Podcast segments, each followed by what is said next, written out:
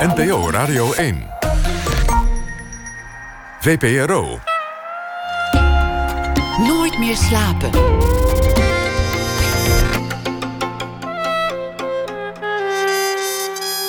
Met Pieter van der Wielen.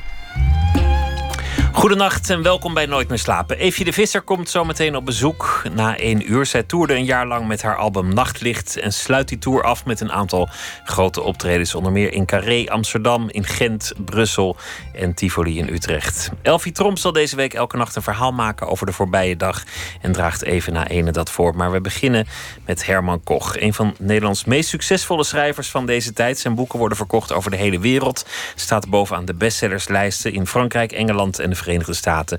Zijn uh, boek Het Diner is inmiddels al drie keer verfilmd in Nederland, Italië en in Amerika. En Stephen King heeft laten weten dat hij fan is van Herman Koch. Dan zou je kunnen denken, of misschien zelfs hopen, dat ik hier tegenover een man vol eigenwaan zit. En dat dit interview vooraf is gegaan door een lange lijst voorwaarden en verzoeken maar het tegendeel is waar. Er is een nieuwe roman, De Greppel. Hoofdpersoon is burgemeester van Amsterdam en vermoedt dat zijn vrouw een affaire heeft met een saaie wethouder die strijdt voor windenergie. Daarnaast hebben zijn ouders een voltooid leven, zoals dat tegenwoordig heet, en willen eruit stappen gezamenlijk. En dan duikt er ook nog een schandaal uit het verleden op. De burgemeester zou het met gemak kunnen ontkennen, maar hij zou het ook gewoon kunnen laten zitten. Wat misschien spannender is. Herman Koch, geboren in 1953, schreef uh, vele boeken inmiddels. Werd ook uh, bekend in Nederland op televisie als een van de drie makers van het televisieprogramma Jiske Vet. En zijn laatste roman heet De Greppel. Herman Koch, hartelijk welkom. Hallo, hi. Hi. Leuk dat je, uh, dat je er weer bent. Um, om, om alles te relativeren van het enorme succes, zat ik uh, vorige week s'nachts een beetje te, te seppen langs pulptelevisie. Want, want dat doe je dan op, op een gegeven tijdstip. En toen uh, was jij een van de, de delen van een vraag. De, de kandidaten die moesten beantwoorden. Nou ja, laten we gewoon gaan luisteren. Herman Koch, Arnon Grunberg en Harry Mulisch zijn A. Voortvluchtige oorlogsmisdadigers. B. Nederlandse literaire schrijvers. Of C. Drie Duitse voetballers die bij Ajax spelen. Maak jullie keuze. A, B of C. Go! Goed, ja. Hallo. Hallo. Hoe heet je schoonheid? Melina. Hallo Melina. Uh, Herman Koch, Arnon Grunberg en Harry Mulisch. Ja. Wie zijn dat? Ik heb geen idee. En ik dacht, hier, staat, er staan niet zoveel mensen. Dus ja, ik dacht, uh, ik ga hier staan. Nou, jij hebt in ieder geval uh, voorspeld dat zij gaan voor Nederlandse literaire schrijvers. Ja. Maar is dat eigenlijk wel goed ook? Ik denk het niet. Nee, want? Ik hoorde net van iemand hierachter dat het uh, voetballers van Ajax zijn. Zei jij dat? Ja, dat was ik. Maar het ergste is, ik ben zelf fan van Ajax. Dus het schijnt ook fout te zijn. Oké. Okay. Ja, wie zijn deze drie mannen nou eigenlijk? Je hoort het zo van Mitchell en Jesper na de break. Tot zo.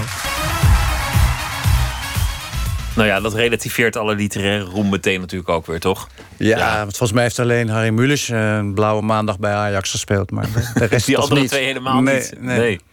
Nou, ze hadden trouwens, een andere keer was de vraag wie de vier jaargetijden had geschreven. En toen waren de kandidaten het erover eens dat dat Vermicelli was. Dus het, uh... ja. Dat, maar dat klopt ook wel, want dat, dat kan me iets meer voorstellen. Want dat is ook een pizza. Hè? De vier heet ook de vierjarige tijden. Er is een, er is een pizza zoals de Margarita. Heb je ook de Quattro Stagione. En dat is dan, uh, dan. Ik kan me voorstellen dat je dat met, met uh, pizza en eten associeert.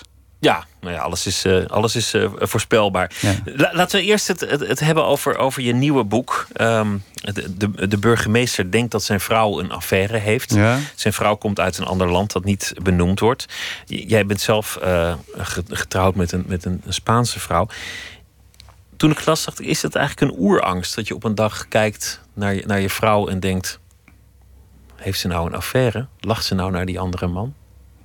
Um, nou, echt, ik weet niet of je het een oerangst kan noemen, maar het is wel iets wat je in een, in een soort na nachtmerriescenario, waarbij je kan denken: het gaat toch zo goed en wij hebben toch zo leuk. En we hebben ook, net als de burgemeester, we hebben toch zo'n leuk gezin met die ene dochter of die ene zoon, of met twee zonen en twee dochters.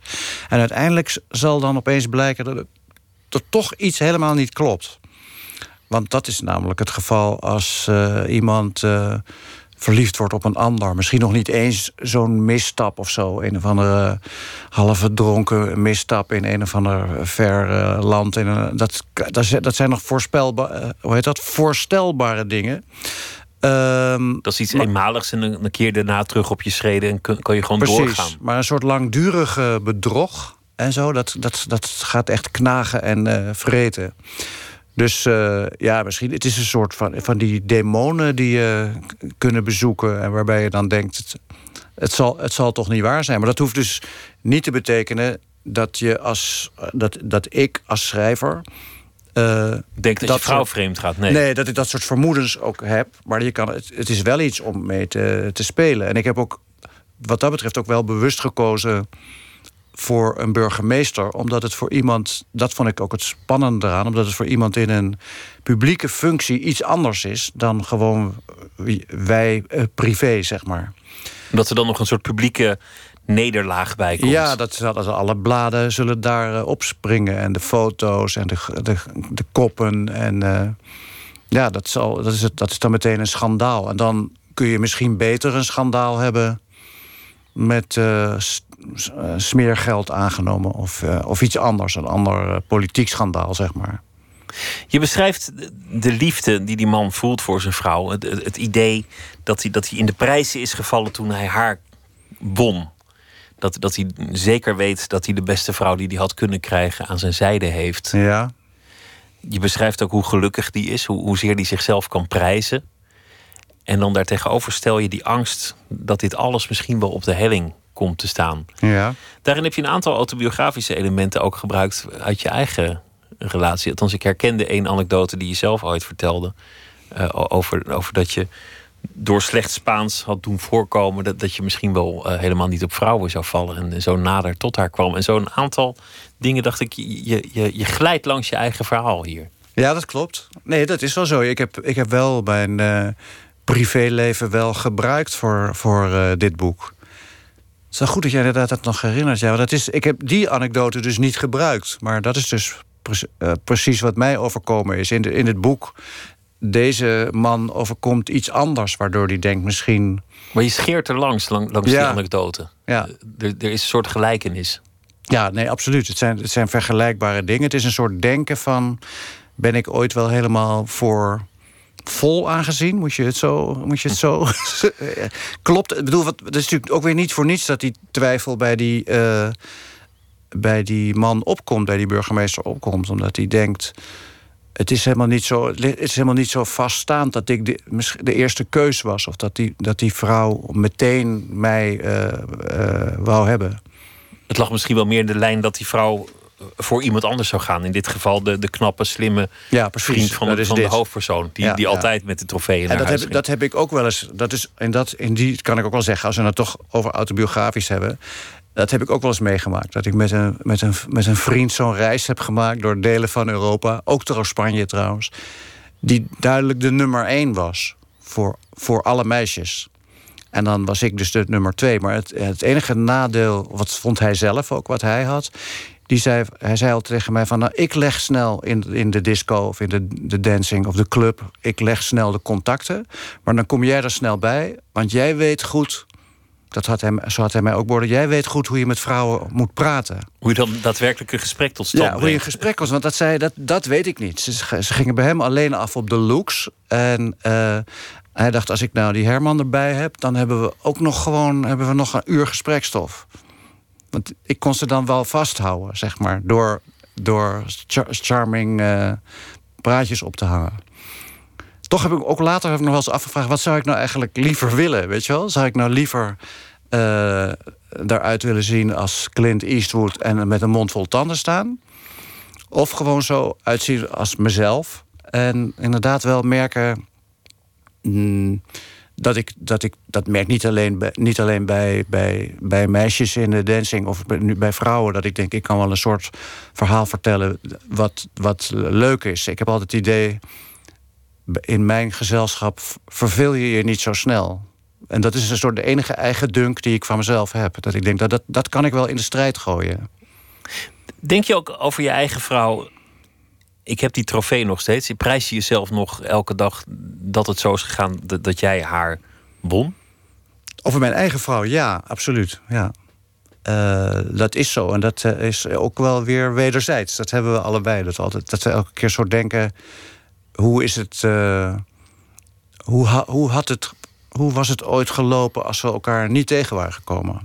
En dat je zelfs denkt, omdat er nu inmiddels. Dat is nu bijna zo, of het, is, of het is echt zo voor haar, is het al zo dat je denkt: je bent al langer met die persoon samen dan de rest van je leven, dan je andere helft van je leven, de eerste helft, zeg maar. Je hebt meer, haren met haar meer jaren met haar geleefd dan zonder haar. Ja, precies. En dat je dan, dat je dan bijna denkt met terugwerkende kracht... wat, wat een verspilde tijd. Die tijd daarvoor, weet je wel?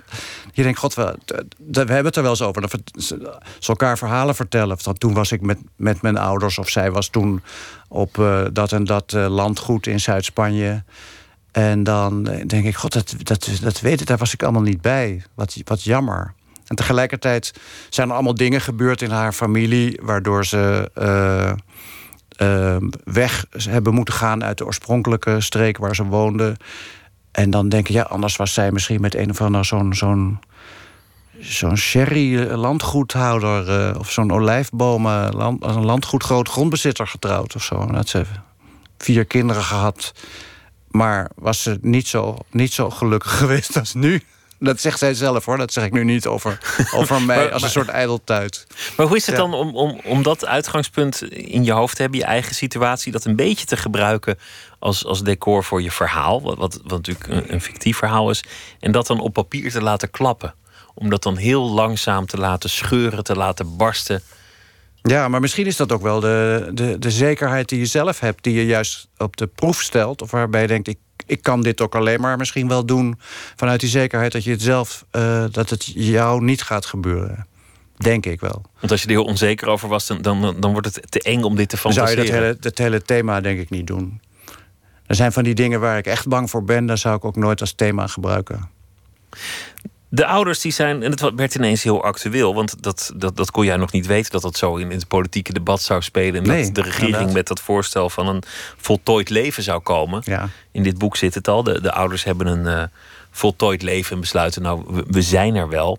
En eh, eigenlijk een bijna midlife crisisachtige situatie, maar dan op je ergens diep in de negentigste. Jouw eigen ouders die, die, die zijn zo oud niet geworden. Nee. Nee, die zijn veel. eh, zij zijn zelf niet eens zo jong gestorven, maar ik, ik was nog wel heel jong.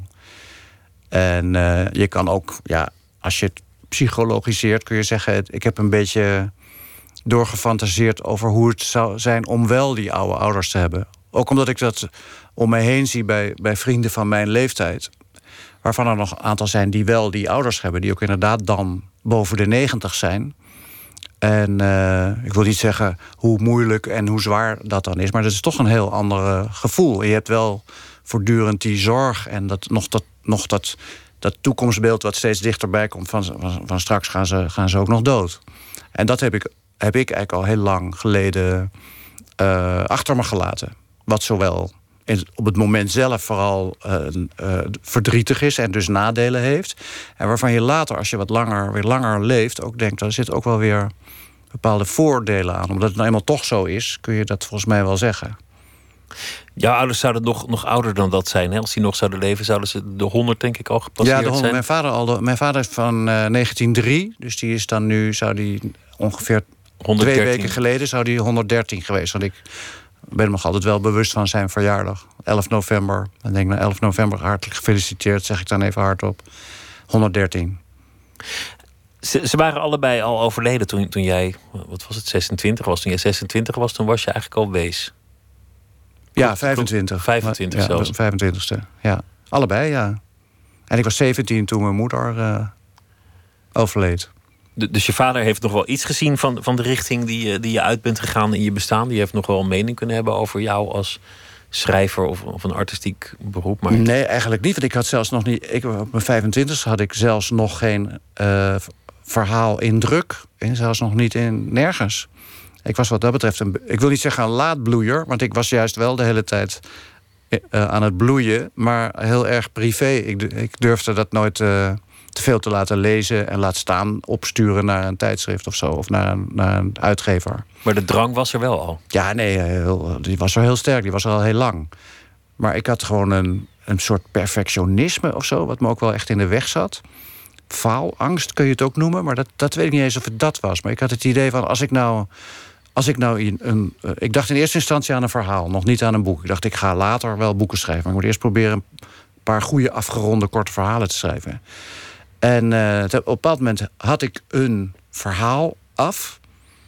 En er was toen een tijdschrift, dat had de bezige bij, dat heette Newfoundland. Dat is een soort kopie, een beetje van de revisor, die toen ook al bestond. En uh, toen zei ik ook tegen mijn vrienden, die ook wel eens steeds aan mij, mij vroegen van... en Herman, wordt het nog wat met die schrijfcarrière van jou? Want op de middelbare school was het een beetje zo voorbestemd... dat ik wel de schrijver van ons groepje zou worden, weet je. En uh, toen heb ik ook tegen mijn vrienden van tevoren gezegd... ik zei, ik heb nu een verhaal, ik heb er iets af wat ik helemaal goed vind... dat ga ik opsturen naar dat tijdschrift. En uh, je zult zien dat ze dat uh, aannemen. En dat gebeurde toen. Dat was de eerste keer dat ik wat opstuurde. En ik werd twee dagen later gebeld of ik nog meer had. Maar dat ze dat absoluut gingen publiceren. En toen begon het. Vanaf dat moment. Was je schrijver? Was eigenlijk? ik echt officieel ook schrijver, ja. Maar dat, heb, dat bedoel omdat jij dat vroeg, dat heeft mijn vader ook niet meer meegemaakt. Wat, wat zou hij gezegd hebben als jij had gezegd: uh, uh, Pap, uh, mam, ik word, ik word schrijver? Zouden ze dat gestimuleerd hebben of zouden ze dat spannend hebben gevonden? Nee, ze hebben het ook, ook gestimuleerd. Dat, kijk, maar ik was 17 toen met mijn moeder uh, overleed. Maar die had ook wel die vermoedens dat ik zoiets zou gaan doen. Of daar hadden we het wel over. Dat ik in ieder geval iets van die kant op, op zou gaan. En uh, mijn vader helemaal. Maar mijn vader zei altijd: Ja, dat is goed met je, dat is prima.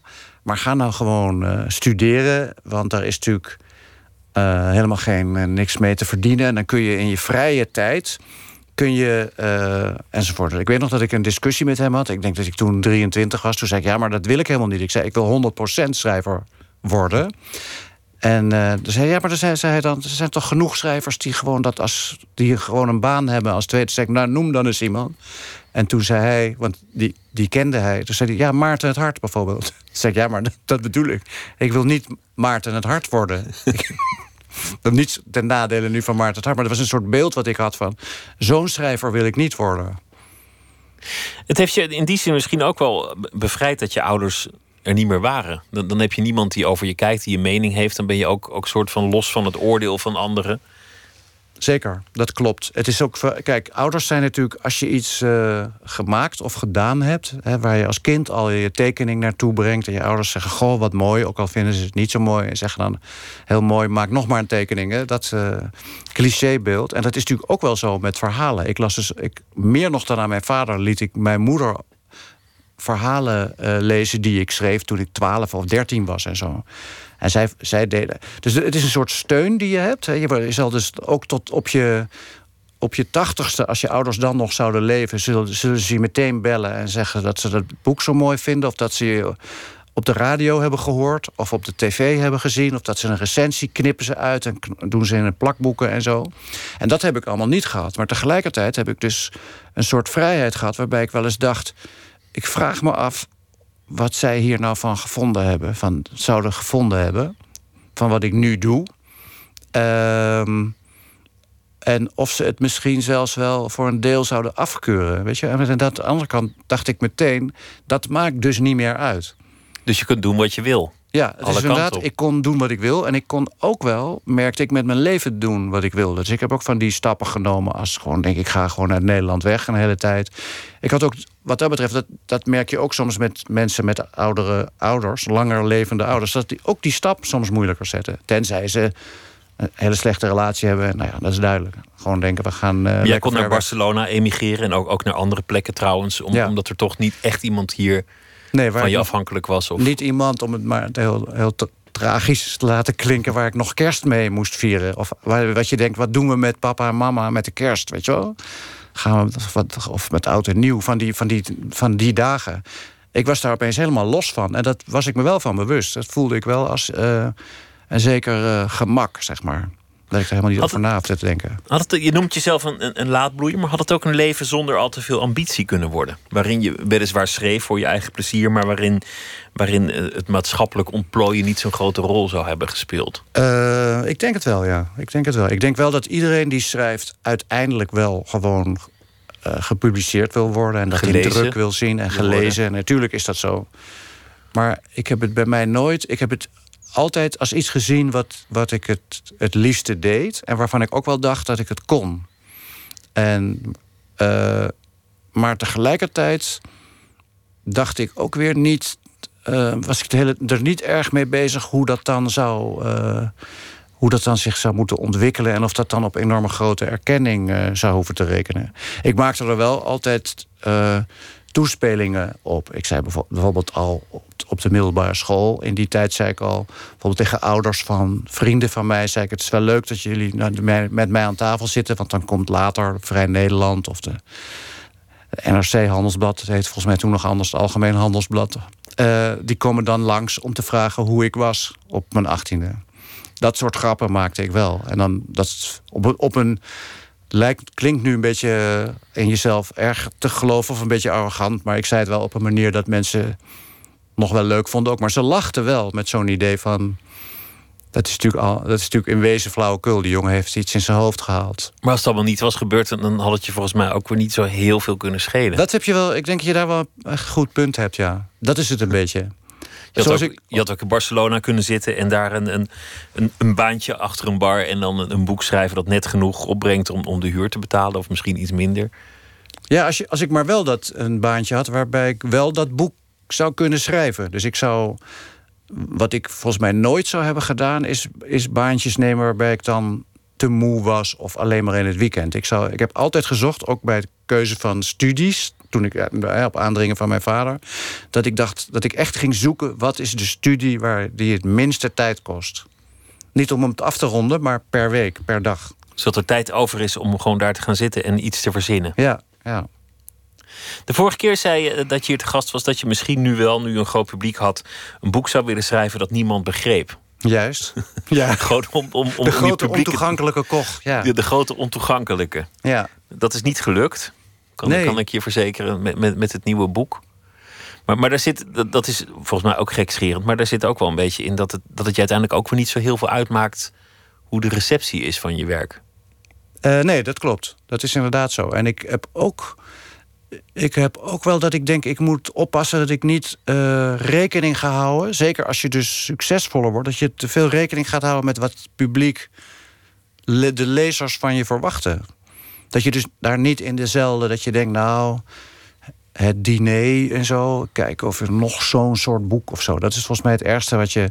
Dus op zich heb ik het soort de, de, de, de, vre- de vreemde ambitie om mijn trouwe lezers weer van me te vervreemden met een boek waar ze misschien helemaal. Maar op de een of andere manier eh, eh, lukt het me niet. Dus het is net zoiets. Ik kan me herinneren dat ik ooit, jaren geleden, heb ik een keer het. eh, was ik gevraagd om het Nationaal Dicté te schrijven.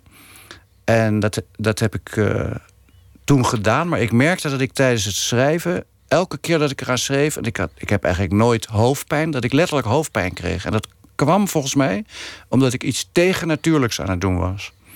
Een, een heel moeilijk te begrijpen tekst schrijven. Met, moeilijk, met veel eh, lastig te spellen woorden. Is dat, dat helemaal niet in, in de lijn van jouw oeuvre ligt of in, in, in jouw manier van werken past? Nee, precies. Dat, eh, echt, eh, ja, eigen- eigenlijk, ik heb het gedaan omdat ik dacht, ja, dat, zijn, dat is zoiets waar je geen nee tegen zegt. Als je dat een keer eh, mag doen. Weet je, net als het, het Boekenweek geschenkt, ga je ook niet zeggen van, eh, ik geloof Doe het het niet. niet.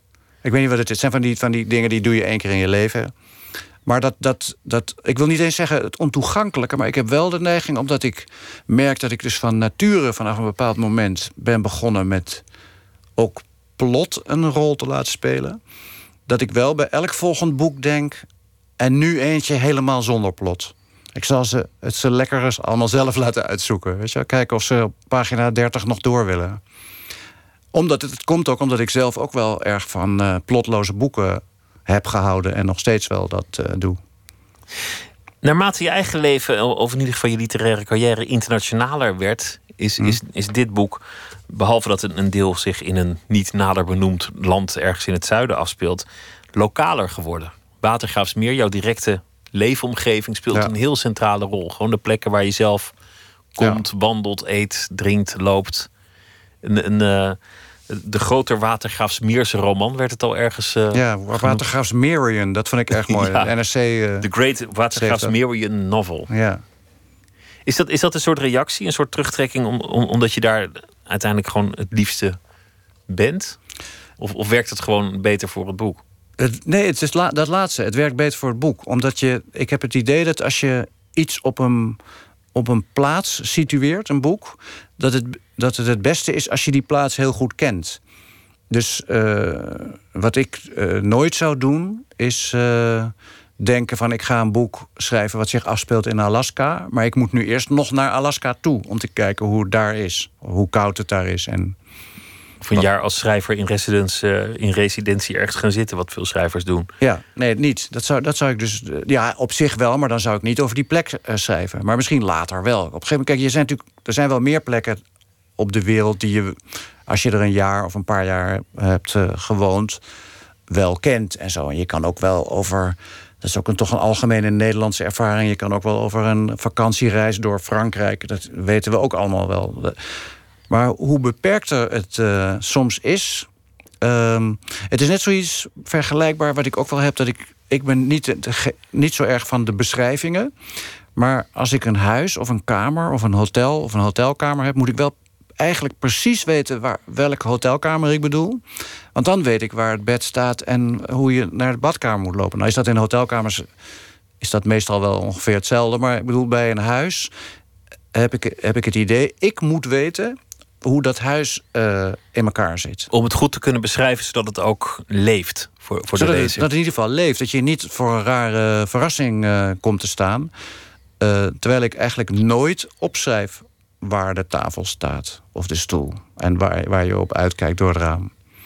Het is voor puur een eigen ding. Dus ik kan me voor in een iets groter getrokken dat het mij helpt het stratenplan van Amsterdam en in iets, kleinere mate Amsterdam-Oost, dus die, die Watergaasmeer, waar ik nu toch wel vrij lang heb gewoond, of nu aan de rand van de.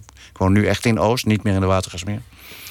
Eh, dat, dat helpt me wel. En ik heb ook bij dit boek bijvoorbeeld overwogen. Ik dacht, het moet een soort landelijke politicus iemand zijn. Dus ik heb gedacht, ik kan hem ook, deze man, de minister-president of een minister laten zijn. Toen dacht ik toch, ja, dat, dat, is, dat, dat vergt bijna research. Want dan, Moet je weten hoe zo'n leven eruit ziet en hoe, hoe het zit met beveiligingen, chauffeurs en. eh, Veel van die dingen. Waar ik denk van, van, een, van een burgemeester zie je dat meteen. En van Amsterdam heb ik ook meteen die Amsterdamse problematiek.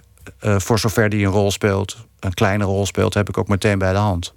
Het mooie is dat het ook werkt als je, als je leest over een stad waar je zelf nooit geweest bent. Dat, dat, het, dat de schrijver het goed kent. Dit boek wordt ongetwijfeld ook vertaald naar, naar het Engels en in Amerika gelezen. Mensen die nooit in Watergraafsmeer zullen komen. Mhm. En toch zal het voor hen ook werken dat jij die straten goed kent.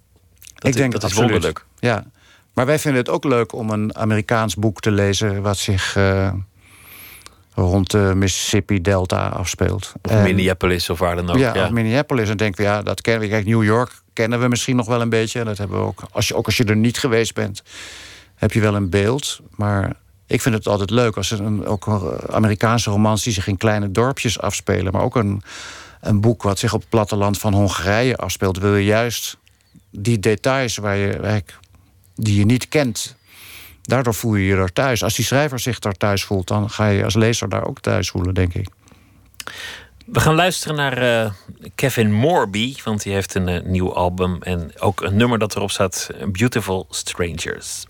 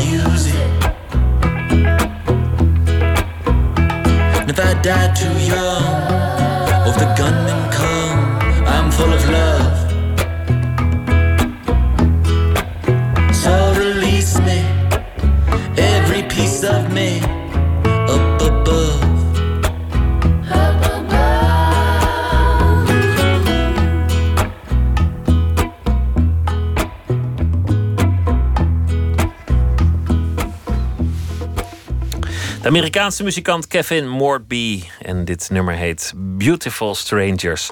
Nooit meer slapen in gesprek met Herman Koch... naar aanleiding van een nieuw boek, De Greppel. De plek moet je kennen. En dan vervolgens eh, dan, dan, dan, dan ga je aan de slag. Dan ga je, ga je schrijven. Hoe, hoe, hoe, hoe ziet je leven eruit? Want, want je woont voor een deel gewoon in Amsterdam. Je hebt een, je hebt een huisje ergens in het, eh, aan, aan de rand van het land. Zeeuws-Vlaanderen, geloof ik. Ja. En dan, en dan moet je af en toe op reis om, eh, om, om je boeken te promoten. Ja. Wat, wat, is, een, wat is een typische eh, dag voor jou? Of en, en hoe vaak ben je thuis? Ehm, nou, de laatste tijd wel weer, wel weer vrij veel. Het is ook, ik merkte op een gegeven moment ook. Kijk, als, je, als dat begint met die, met die vertaling en zo, dat was zo'n beetje in 2010. eh, toen heb ik bijna op alles ja gezegd, weet je wel. Dan was de eerste uitnodiging was dan Milaan. En, eh, maar daarna kwam dan ook Oslo en eh, festival in Jeruzalem. En dat gaat dan maar door. Een soort bepaalde dynamiek. En dan ben je weer leuk in Vancouver en dan weer in. eh, ja, het, en dat is een tijd lang, is dat natuurlijk ook gewoon leuk. Want je wordt altijd overal maar een beetje gefetteerd en je wordt al afgehaald van het vliegveld. Je hoeft zelf niet zo na te denken. Als je zelf een reis gaat plannen naar eh, Australië, moet je veel meer gaan denken: wel, waar ga ik die auto huren en waar rijd ik dan ongeveer heen? Maar als je op uitnodiging naar Australië gaat, dan eh, denk je: ja, oké, ik zie het wel. Maar ik merkte wel de laatste jaar, anderhalf jaar, tot, tot deze zomer, dat ik opeens dacht van ik ben wel, ik ben wel erg veel onderweg. En dan gaat het zich een beetje tegen je keren. En dan denk je, ik heb. Een bepaald moment zat ik. hoe, hoe mooi ik Sydney ook vond. En toen zat ik daar op zo'n steiger. En, ik, ik vond het, ik vond en toen dacht ik opeens, ik wil eigenlijk gewoon wel naar huis. Morgen, als dat kan. Maar dan is het nog 30 uur of wat is het, 25 uur vliegen. Ik voelde me opeens zo eh, puur fysiek ver weg van huis. Dat ik dacht, ik moet dit niet te veel meer doen. Dus heb ik een paar dingen, eh, van, ook van die wat verdere reizen. Nog een reis naar Colombia, nog een keer naar Hongkong en zo. Zijn allemaal luxe problemen. hè. Dat besef ik heel goed. Ik Ja, zie je maar- ook zo glimlachen van ja, maar het is toch allemaal. Het is natuurlijk ook. Je kan ook zeggen, je kan het ook de andere benadering doen en zeggen: het is alleen maar leuk. Je moet verder niet zeuren. Maar er komt een moment dat je denkt dat je daar met zijn koffertje staat in te checken. En eh, dat ik denk, ik wil ik nog wel. En eh, dat punt heb ik nu een beetje bereikt. Dus ik doe het nu iets voorzichtiger. En zeg nu iets meer nee op eh, dingen, vooral als ze ver weg zijn. Kijk, even- even naar, naar Edinburgh of even naar eh, Madrid of zo. Dat, is, dat vind ik nog wel de achtertuin, zeg maar. Lijken al die reisjes ook op elkaar, wa- waar je ook ter wereld komt? Ja, uiteindelijk wel. Dat is een hele Het goede is heel blasé, maar Nee, maar het is echt zo. Dat is gewoon zo. Er is altijd iemand die je afhaalt, die altijd een vrijwilliger is. Die je altijd ook meteen de stad wil laten zien. En eh, het, het leukste restaurant. Terwijl ik ben toch nog wel iemand die eh, die, die restauranttip niet wil hebben. je wilt je? zelf uitzoeken. Ja, toch wel zelf uitzoeken. Ja, het is wel zo dat iemand zegt, ja, daar moet je echt heen, want, want. Maar een beetje dat je denkt, ik zou nu wel even op mezelf willen zijn... in plaats van worden rondgereden. Ik ben wat dat betreft meer eh, zo'n privé-persoon. En mijn eh, Amalia, mijn vrouw, die gaat dus ook... omdat we, dus, zoon Pablo inmiddels wat eh, volwassener is... gaat ook wat vaker mee. Dus eh, we zijn al met z'n tweeën. Weet je? Dan heb je, als je in je eentje ergens aankomt... in een wildvreemde gebied is het nog wel leuk om even op sleeptouw genomen te worden. Het leuk, maar het leuke vind ik dan vooral dat je denkt... je komt ergens in een ver land... kom je dan andere schrijvers tegen... en daar zit dan geen één Nederlander bij. Dat vind ik altijd een enorme prettige constatering dan. Dat je denkt, ik ben wel echt weg, weet je wel? Zij hebben, zij hebben van mij wel eens gehoord... en ik heb van hun ook wel gehoord. En zo ontmoet je elkaar daar dan. En dat heeft, het goede is dat je dan op de een of andere manier... anders dan bijvoorbeeld in Nederland... ook niet zo concurrent of zo van elkaar bent. Dus ook niet zo'n enorm waardeoordeel meteen. Het wordt niet gesmoeseld. Want dat, dat is iets dat, dat je vaak hoort. Dat, dat in, in de Nederlandse literaire wereld een aantal dingen verboden zijn. waar succes er zeker één van is. Nou ja, Niet, zeker. niet, niet in de hele literaire wereld, maar er, zijn bepaalde hoeken en stromingen waar, waar succes toch echt verboden is. Ja, dat klopt, ja. En dat is, eh, dat is in, in andere landen vaak anders. En dat, dat is soms, eh, ja, dat wordt. Het, het wordt eh, in andere landen, in de meeste andere landen vaak gezien als reden tot felicitatie. Maar ik denk aan de andere kant dat ook weer binnen die landen ook weer dingen aan de hand zijn. Weet je, ik, kan me, ik, herinner, ik weet nu dat ik bijna elk gesprek wat ik ooit in Frankrijk heb ge- gevoerd en waarin ik tegen mensen die dus literair onderlegd waren en lazen, zei dat ik Michel Houellebecq wel bijzonder vond. Die zeiden, reageerden allemaal van: Oh ja, vind je dat? Vind je dat, vind je dat nou literatuur? Ja, of nee, niet, nee, niet vind je dat nou literatuur. Zover niet. Maar wel zo van, oh ja, maar dat is toch... is toch helemaal niet... eh, ik weet niet wat. Er is een soort... Een, een, een, in elk land denk ik wel een zekere ehm, terughoudendheid... bij een succesvolle, succesvolle schrijver. Ik heb al gehoord dat, Jonathan Franzen ook wel overkomt in Amerika. Dat er ook wel vaak gezegd wordt... ja, oké, die... Maar dat weten we nou toch wel. Los van wat je verder van hem vindt. Maar Ik denk dat het jaloezie is. Vrij, vrij eenvoudige analyse. ja, Maar, maar misschien ook iets fundamentelers dat, dat als iets goed verkoopt, dan moet er wel iets mis mee zijn, want andere goede boeken verkopen toch ook niet. ja. Nee, dat is zo. En, en hele slechte boeken verkopen ook heel goed. En dat is, het, zit- het, daar zit het ergens tussenin. Maar er zit, er zit natuurlijk bij, bij, bij veel mensen... bij de echte eh, literatuursnobs zit dat natuurlijk. Het idee van... En ik moet zeggen dat ik mezelf daar soms ook toe reken. Want ik kan me ook herinneren dat ik in het verleden... en nu misschien nog steeds wel bij sommige bestsellers denk van... nou, nou, als iedereen dat zo goed vindt, ik moet het nog maar zien. Dat ga, dat, eh, als, als, als iedereen iets goeds vindt, wil je misschien toch iets exclusievers. Dat geldt ook voor bandjes. Dat je ziet ze toch misschien liever achter in een café optreden... dan eh, In een het- stadion. in het, ja. in het voetbalstadion. En ehm, ja, dat, dat is een beetje het, het, het, ge- het gevoel wat er bij mensen heerst... Dat, dat als een boek door veel mensen gelezen kan worden... en dan ook nog goed gevonden wordt of leuk gevonden wordt... dan zal er door de schrijver, die zal wel op zijn hurken zijn gaan zitten... om al die, al die domme lezers, want zo, dat zeggen ze eigenlijk, die mensen... die mensen zijn niet zo slim, want ze lezen dus een makkelijk boek. Dat, het zal wel zo makkelijk zijn dat ook niet zo slimme mensen het helemaal uit kunnen lezen. En dan ook nog een, kunnen zeggen dat ze, het, eh, dat ze ervan hebben genoten. Dat is toegankelijkheid Dus- en een disqualificatie voor een boek eigenlijk. Ja, dat, Ja, maar ook voor de lezers, vind Ja. ik. Ik vind het ook een beetje minachtend tegenover mensen die gewoon, gewoon, ja, als die groep zo groot is, dat zegt, dat zegt verder niet zoveel. Misschien zijn er wel gewoon veel meer eh, intelligente lezers dan men denkt. Of mensen die gewoon een paar keer per jaar een boek lezen. Die, Ja, die- er gewoon ook. niet aan toekomen om, om er elke week een te verslinden. Ja, dat, dat is ook wel zo. Maar ik heb toch ik heb het idee dat ik niet helemaal. Want ik, ik leg het ook meteen af tegen Judas. Of weet je wel, zo'n boek is gewoon. Dat is misschien ook niet eens concurrentie. Maar dat zijn precies die mensen die jij noemt. die dat ene boek kopen. Misschien het enige per jaar. En dan later komt er. Ze komen nu wel allemaal heel erg veel tegelijk, die, die boeken. Maar dan komt er nog een eh hoerenbezoekende, kooksnuivende wielrenner... komt er nog voorbij. En eh, die kopen dan dat boek en dan in het voorjaar dat andere boek. Maar nu, nu zijn ze opeens allemaal in deze tijd. Maar ik heb, ik heb niet het idee dat dat een echte concurrent is. Ik heb eh, niet het gevoel dat er nou veel mensen die nooit een boek lezen... Mijn, dan alleen mijn boek kopen. In, in je boek eh, ben je tamelijk scherp. Je, je fileert je, de, de observaties via je personages van Nederland. Die, die zijn geestig, herkenbaar ook vaak. Maar, maar je lijkt goed van buitenaf naar Nederland te kunnen kijken. En, en dingen aan te kunnen stippen.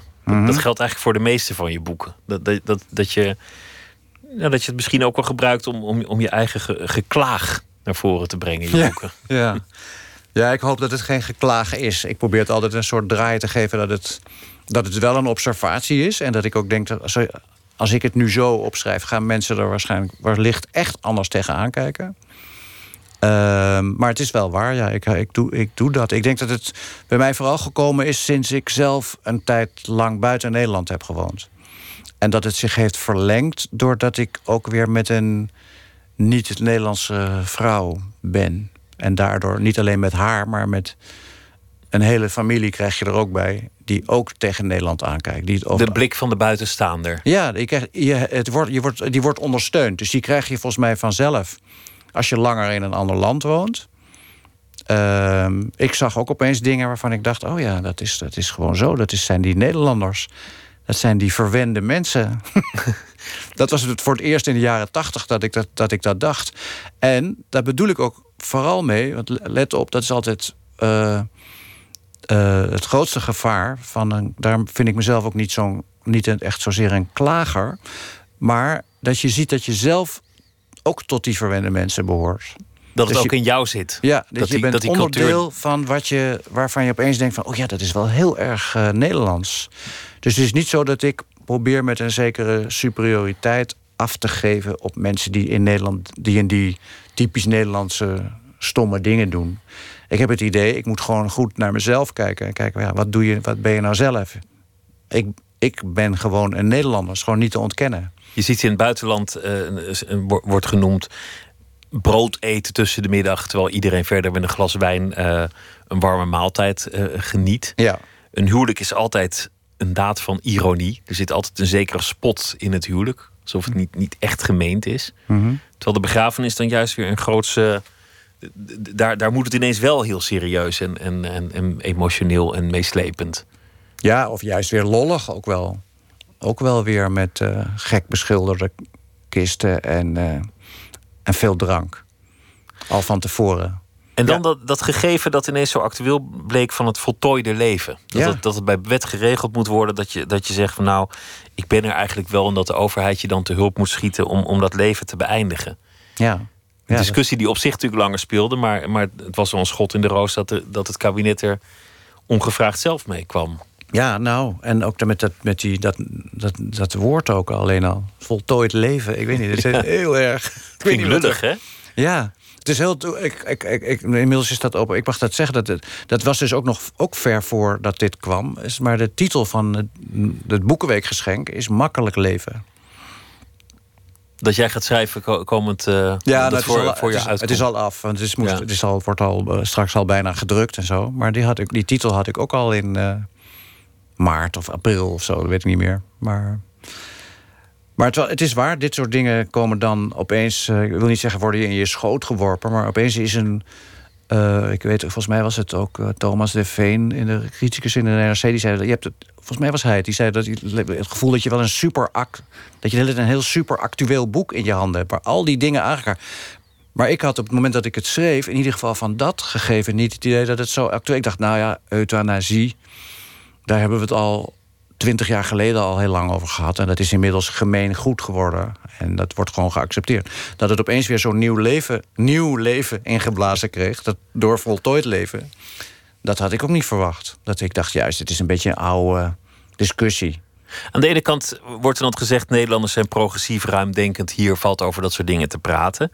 Aan de andere kant kun je ook zeggen: alles moet hier benoemd en geregeld en, en zwart op wit op papier zijn. Ja, dat is het wel een beetje. Het is alles, alles is uh, van, ik wil niet zeggen van de wieg tot het graf, maar ook. Het is ook een beetje in dat in elk stukje grond in Nederland dat je wel het gevoel hebt dat er een bestemmingsplan uh, voor is. Het is gewoon. Dat, dat land is dan klaar. Je kan het bestemmingsplan dan wijzigen, waardoor er op die plek, waar, wat eerst een veldje was voor, om honden uit te laten, nu alsnog een wolkenkrauwer kan verrijzen. Ook de dood is bureaucratisch op die manier. In zekere zin wel, ja. Het is ook een beetje. Het is, het is bij, zo, bij deze hele uh, discussie, dat vond ik ook het aardige om het, of het aardige, het, het, het gegeven om het in een roman te gebruiken. Uh, vrijwaarde mij ook van de plicht om een, daar mijn een echte mening over te geven. Nee, ik vind het ook een onderwerp waar ik niet een één uitgesproken mening over heb. Ik vind dat er een heleboel aspecten aan zitten. Aan dat zelf je leven beëindigen. Op een, op een nette manier, zeg maar. Dus zonder van een balkon te springen of op een andere manier, op een nare, agressieve manier, zeg maar. Maar het leent, het leent zich ook voor, voor vrolijkheid, voor een, een, een humor. Ja, ik weet niet of het echt verrangen humor is, maar het was wel. Je kan natuurlijk heel, als, als, als schrijver iets heel geestigs hmm. mee laten gebeuren. Ja, nee, absoluut. Ik, dat vind ik ook wel een van de, van de voorwaarden. Ik, ik, wil het niet, ik wil niet een soort droog referaat opschrijven over allemaal mensen die hun mening erover geven. Er moet wel iets in zitten van. Ik heb altijd het idee dat als je zodra je de, de humor erin toelaat, dat het ook bij mensen meer aankomt. Dat, het, dat ze, zodra ze, zodra ze daar dan om kunnen lachen. Want er zijn ook volgens mij mensen die er niet om lachen.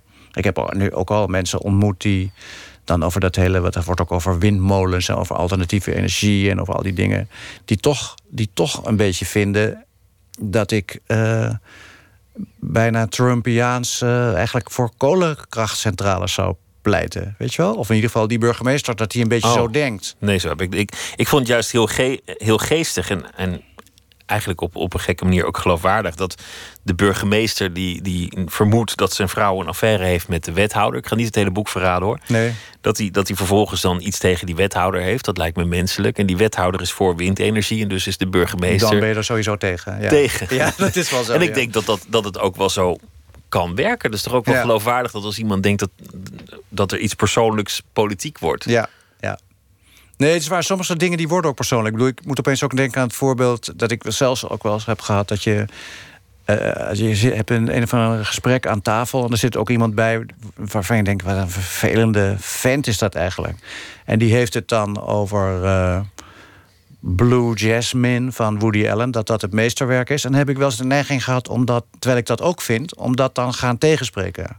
Omdat je dus. omdat je die man niet mag. Wat, ja, precies. Iets wat je zelf goed vindt, gaan afbreken omdat je de persoon niet. Uh, dus wat dat betreft, dit klopt ook. Dus een, wethouder is voor windenergie, dus ben je dus ook. Ben je dan in ieder geval tegen. Om hem tegen te werken. Maar ik denk dat deze burgemeester toch ook wel verder denkt dan die. Uh, dan die wethouder met alle, alle opvattingen die hij heeft. Maar hij vindt in het algemeen het, het wat groenere milieutype. Wordt, is hij een beetje allergisch voor. Deze burgemeester, zijn innerlijke worsteling is dat, dat hij eigenlijk geen zin meer heeft om, om te vechten. Niet voor zijn loopbaan, niet voor zijn stad, niet voor zijn carrière, niet voor zijn, zelfs niet voor zijn vrouw. Eigenlijk is dit een man die, die afgeleerd heeft om zich waar dan ook nog voor in te zetten. Ja. En dat is de, de innerlijke worsteling. Nou, hoe dat afloopt, dat, dat mag de, de lezer zelf afmaken. Mhm. is, is dat iets dat jou makkelijk afgaat om zo'n personage in te beelden? Iemand die eigenlijk alles wel laat zitten, die het gewoon wel best vindt, die niet meer Mm. wordt uitgedaagd. Ja, het heeft ook wel. In, in dit geval van dit personage is het ook iemand die.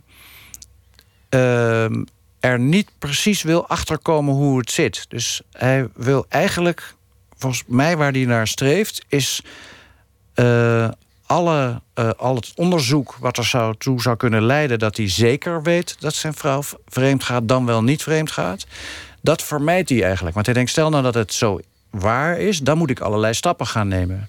Dus als je het voor een deel niet eens zozeer ontkent, maar het niet weet, geef je dat een kans om ook jezelf, maar ook die ander een kans te geven om het gewoon te laten voorbijgaan. En misschien is het dan wel niet gebeurd. Ik heb, en ik heb ook wel eens de neiging om wat dat betreft de soort.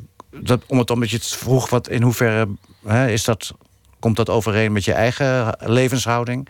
Ook wel die neiging om te denken: ik wil het ook niet allemaal precies weten van die en die mensen of hoe iets zit. Of het zou best kunnen dat eh, die en die eh, ooit iets of iets van mij vindt. Maar als ik het nou niet precies weet, dan kan ik er verder gewoon met die persoon wel blijven omgaan. Het gelukzalige ontkennen. Het, Nou, een leven ontkennen, ja. on- Ja. onwetendheid. Ignorance is bliss, zouden ze in. eh, Een beetje wel, ja. In, in ja. En ook, ook wel, ehm, dat herken ik ook. Dat vind ik niet altijd een positief eigenschap van mezelf, maar ook soms wel. Dat je denkt dat je niet meteen tot actie overgaat. Ook al, al denk je eigenlijk op deze situatie moet wel eigenlijk wel gereageerd worden. En dat ik denk, nou, als ik nou net, als ik nou dat gewoon een beetje laat zitten. Niet eens uit luiheid, maar gewoon denken van ja, al die actie. En dan moet ik daar, dan moet ik nu iets gaan doen. En dan moet ik er iets van gaan zeggen. En dan denk ik, nou, misschien is het straks minder erg dan we allemaal eh, dachten. Het is voor, voor een romanpersonage een, een, een gekke eigenschap. Het niet handelen. Omdat je zou denken dat het allemaal in een verhaal goed is als iemand iets doet. Maar eigenlijk juist interessanter waar mensen het handelen nalaten. In morele zin of in, in andere zin. Dit, alle dingen die de personages niet doen. Ja. Komt, Ja. komt vaak in jouw boeken voor dat de mensen ervoor kiezen om iets niet te doen. Of, of, of voor zich uit te schuiven of eh, de andere kant op te Ja. kijken. Dat is een, een mooi gegeven, vind ik. Ja, je moet het nu niet als. eh, het moet natuurlijk niet een soort iets worden dat je daarvan bewust wordt en dat je dat dan vaak. Maar als ik eigenlijk terugkijk op sommige, op sommige aantal boeken en ook vooruit kijk, dan denk ik ja, dat, dat niet handelen is wel iets wat mij op de een of andere manier intrigeert. Ik kan ook niet precies benoemen waarom. Maar er is een. eh, ja, het, het is het eh, hele geval ook in het geval van, van, van bedrog of zo. Als je er geen bewijzen voor hebt, is, er een makkelijk, is het misschien makkelijker om iemand te vergeven. En om ook. ehm, ik hoorde dat een keer van iemand die dat zei. Dat las ik volgens mij gewoon in een tijdschrift. Dat iemand zei: Ja, mijn man wist dat ik eh, hem bedroog. Maar hij heeft altijd gedaan alsof hij het niet wist. Uit respect voor mij. En dat maakt het voor ons allebei makkelijker om uiteindelijk weer terug bij elkaar te komen. Dat snap ik wel. Dat mensen die zo redeneren. Je, je, bent, eh, je, je bent inmiddels de 60 gepasseerd. We hebben, we hebben het niet gehad over, over Jiskevet, wat toch ook een belangrijk hoofdstuk in je leven is. Onlangs was eh, oud-collega Michiel Romein hier eh, te gast, die, die, die daar wel over kwam te spreken met een zekere nostalgie en daar, daar graag op, op terugkeek. Bij jou is het gewoon een afgesloten hoofdstuk. Je, je, volgens mij ben je er ook echt niet meer mee bezig hoe dat was. Die indruk krijg ik nou, althans. nee, dat is niet waar. Het is, niet- ja, het is afgesloten in, de, in, de, in die zin dat het meer dan tien jaar geleden is... dat we voor het laatst eh, iets hebben, een programma hebben gemaakt. Ehm, maar aan de andere kant ja, is het wel aanwezig. Al is het alleen maar dat ik het ook soms in halve stukjes herhaald... op televisie wel weer eh, voorbij zie komen. En dan denk ik nooit van...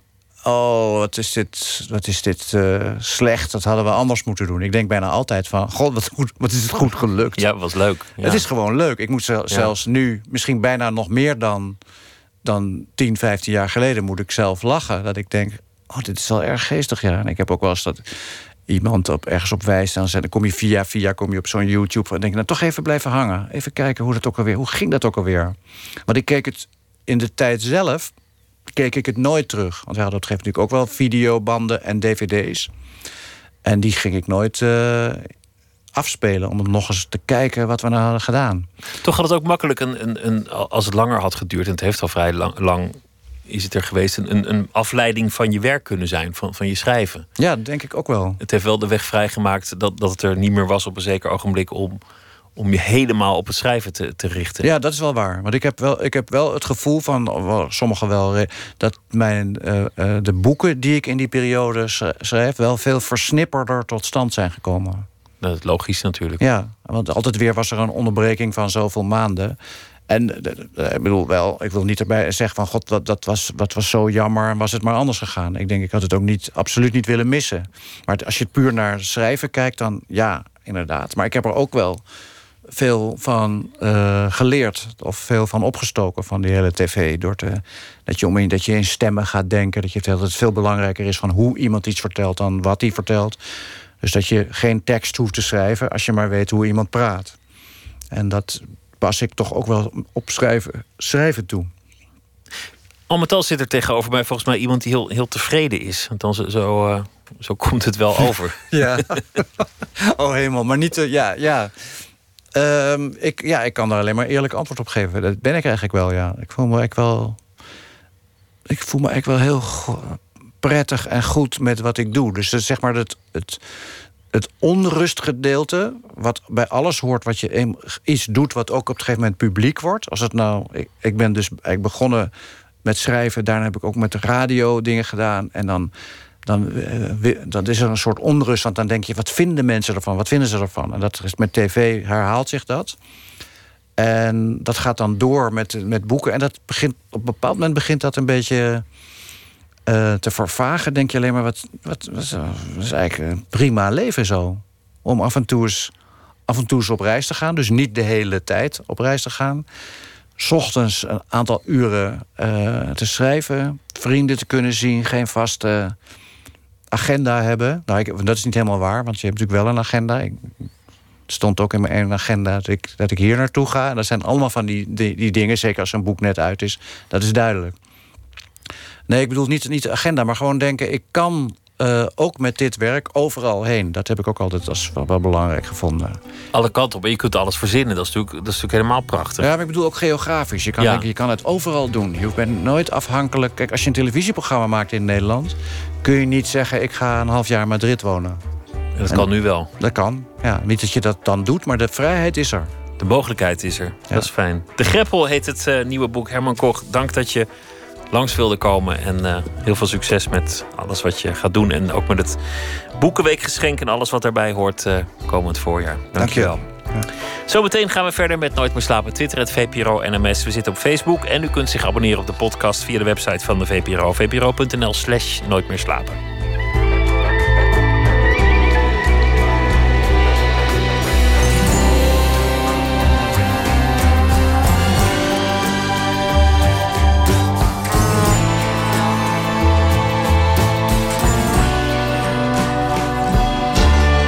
Radio 1. Het nieuws van alle kanten.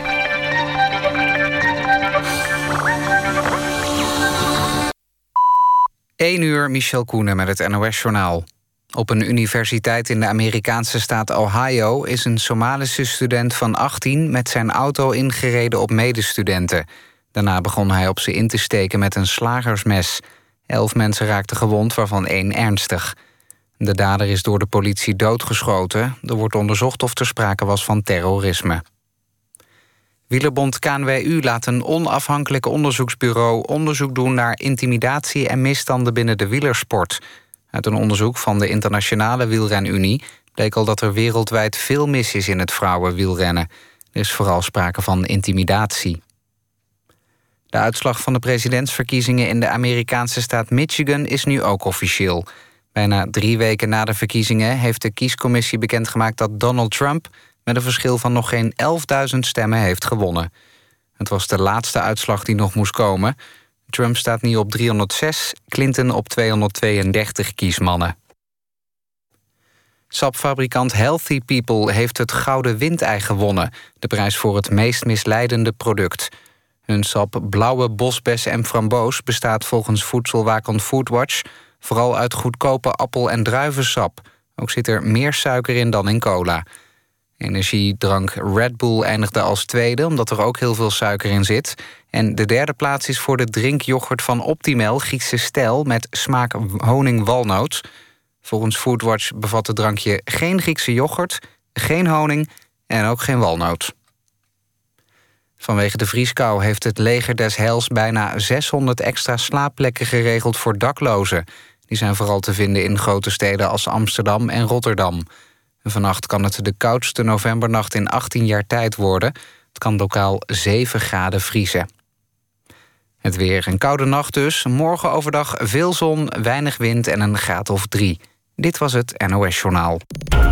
NPO Radio 1. VPRO. Nooit meer slapen.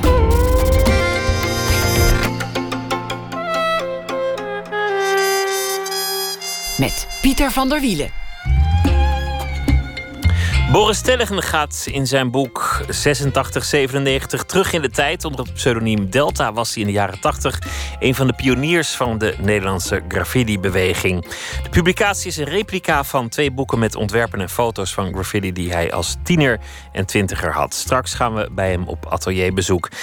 Singer-songwriter Evie de Visser komt op bezoek. Haar laatste album heet Nachtlicht, een ode aan de nacht. En ze eindigt dit jaar van uh, intensief toeren in Nederland en België dat sluit ze af in stel met onder meer een optreden in Carré.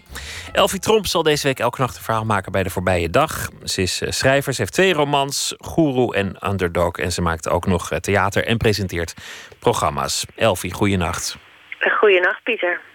Wat leuk dat je deze week uh, elke nacht even aan de telefoon krijgt. En, uh, Gezellig, hè? Ja, vind ik leuk. ja, ik, ik vind het ook heel leuk. Ik heb er zin in. Mooi. Vertel, vertel eens over de, de, de, eerste dag van de week. Wat, ja. uh, wat was uh, het? Nou ja, ik maak natuurlijk altijd monologen vanuit uh, iemand die in, het, in het nieuws die geen stem krijgt. Dus die geef ik dan hier bij Nooit meer slapen een stem. en een verhaal, een, een, kans om zijn verhaal te doen. maar soms dan vind je iets als schrijver dat zo goed is, dat kun je dan eigenlijk niet toppen. Dus het is eigenlijk een object trofee wat ik vandaag heb. En het zijn de woorden van Wilfred Gené. Wilfried Gené, sorry. Uh, de presentator. Um, hij zit in mijn categorie. We zijn wel na twaalf, dus uh, hij zit wel in mijn backspuugcategorie. Als ik hem ooit zie, zou ik hem zo in zijn bek spugen. Ik, uh, ik vind hem wel gelukkig man. Ik kan niet anders zeggen. En er was in de Bali een avond. Dat heette Operatie Interview. Dat is gisteravond gebeurd.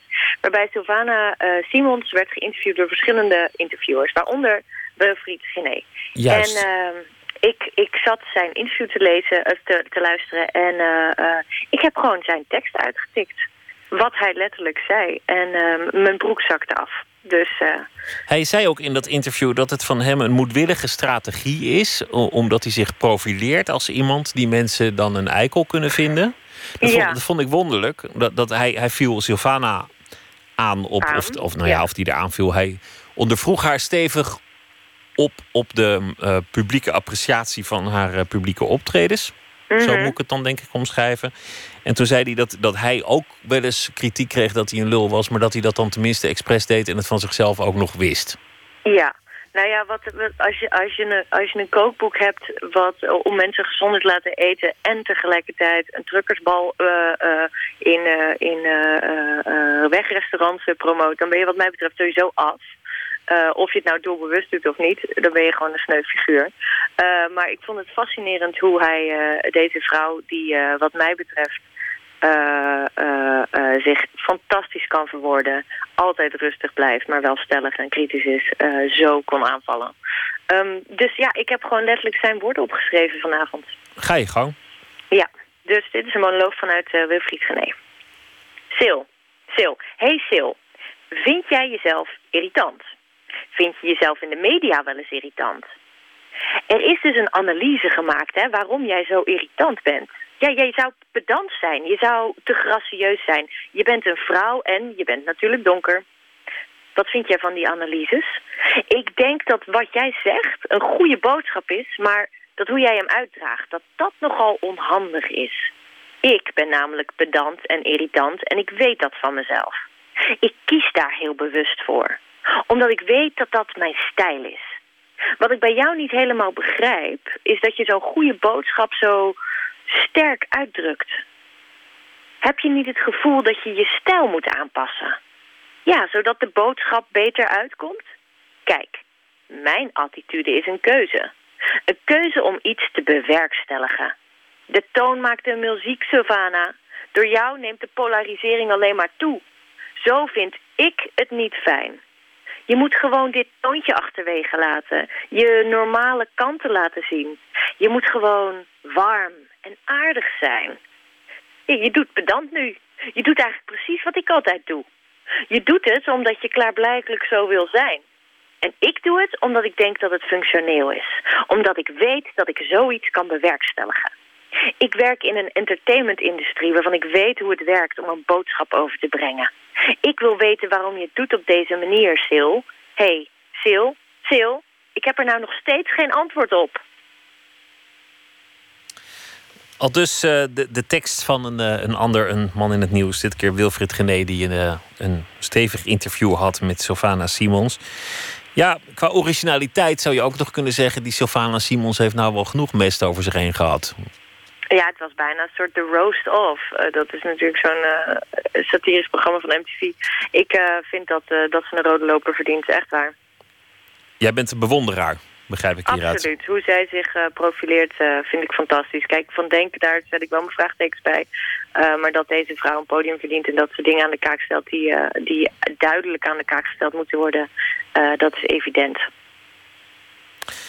Oké, okay, ja, nou, ze, ze, ze heeft. Uh, ik heb ook wel eens af en toe gedacht: waarom doe je dat nou weer zo? En, maar het, het wordt ook weer zo'n meningencircus. Hè? Dan voor je het weet moet je, moet je uitspreken of je voor of tegen, tegen Sylvana of wie dan ook bent. Nou ja, ja, het is natuurlijk gewoon stuitend dat een vrouw die zich goed kan uh, profileren, zich goed kan uitspreken over hele nijpende kwesties momenteel in de samenleving, uh, wordt aangevallen op de manier waarop. En de, wordt gezegd dat ze wel warm en gezellig moet zijn. Ja, mijn broek zakt af hoor. Die vent moet gewoon in zijn bek gespuugd worden. Nou, dat is, een, dat is een mooie Rotterdamse gewoonte om mensen bij oneenigheid in de bek te spugen. Elfie Tromp, voilà. dankjewel. Hele goede nacht. En uh, tot, tot, morgen. morgen. doei. Iedereen heeft het wel eens nodig. Een, een lied dat je redt. De Rescue Blues van Ryan Adams bijvoorbeeld. Van het album Gold uit 2001. Hier is die.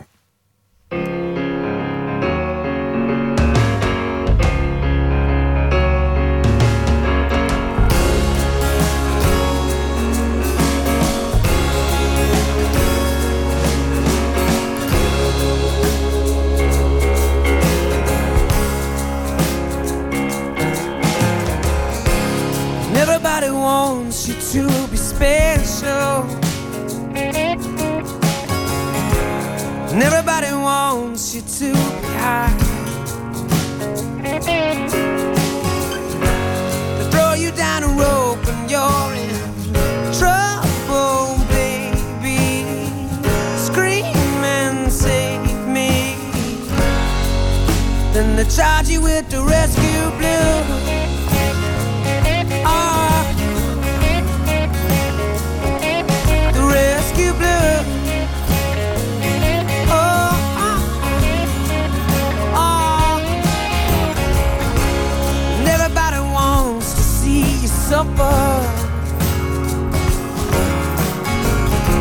They know that you need the pain.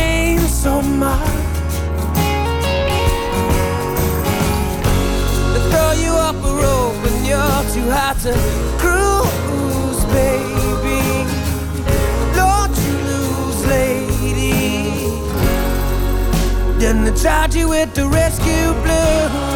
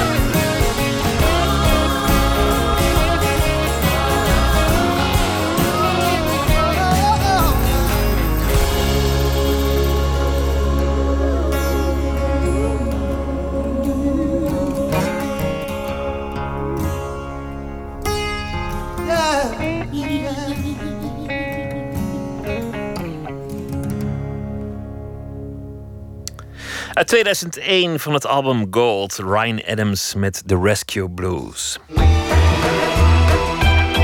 Nooit meer slapen. Boris Tellegen is bij velen bekend onder een andere naam, Delta, waarmee hij in de jaren 80 en 90 furoren maakte als Amsterdamse graffiti-kunstenaar. Zoon en dichter eh, van dichter en schrijver Toon Tellegen is hij. Hij studeerde zelf industrieel ontwerpen. Tegenwoordig is hij beeldend kunstenaar in binnen- en buitenland veel gevraagd. En hij heeft een boek uit 86-97. Hij gaat terug in de tijd. De publicatie is een replica van twee black books die hij in 1986 tot 1997 uh, had. Verslaggever Nicole Die zocht hem op in zijn atelier in Amsterdam.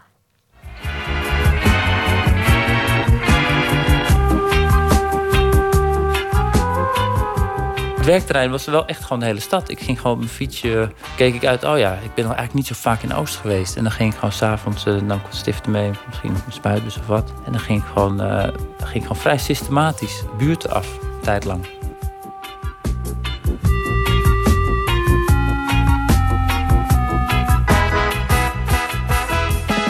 Wat Boris altijd bij zich heeft, is zijn Blackbook. Een boek met een zwarte kast van A4-formaat reist in de jaren 80 altijd met een mede Amsterdam. Erin staan ontwerpschetsen en foto's van de uiteindelijke graffiti.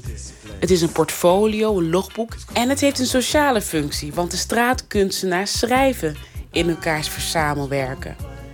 Heel af en toe dan, uh, keek ik ze nog wel in en dan maar ik, dan durfde ik ze eigenlijk bijna niet meer open te slaan, omdat alles uit elkaar begon te vallen. Het is slechte lijm, rubber cement, um, plakband vergeeld, die foto's laten los. Dus ik had zoiets van, nou ja, ik moet er gewoon een reproductie van maken. Om het, ja, om het gewoon wat langer nog te laten bestaan. Maar je kan een reproductie maken voor jezelf, maar je hebt ervoor gekozen om dat te delen. Waarom? Ja, ja misschien ook een soort afsluiting voor mezelf. Weet je, het is, ik, dat, dat hele graffiti-ding is iets wat je deed om. Uh, om een soort alter ego te creëren. Hè. Ik denk dat veel, veel schrijvers wel die attentie willen, die aandacht, maar niet met hun persoon. Dus dan creëren ze een alter ego nou, dat doet dan het werk voor ze. Ja, misschien is dit nog een laatste, ja, een soort laatste stuiptrekking daarvan.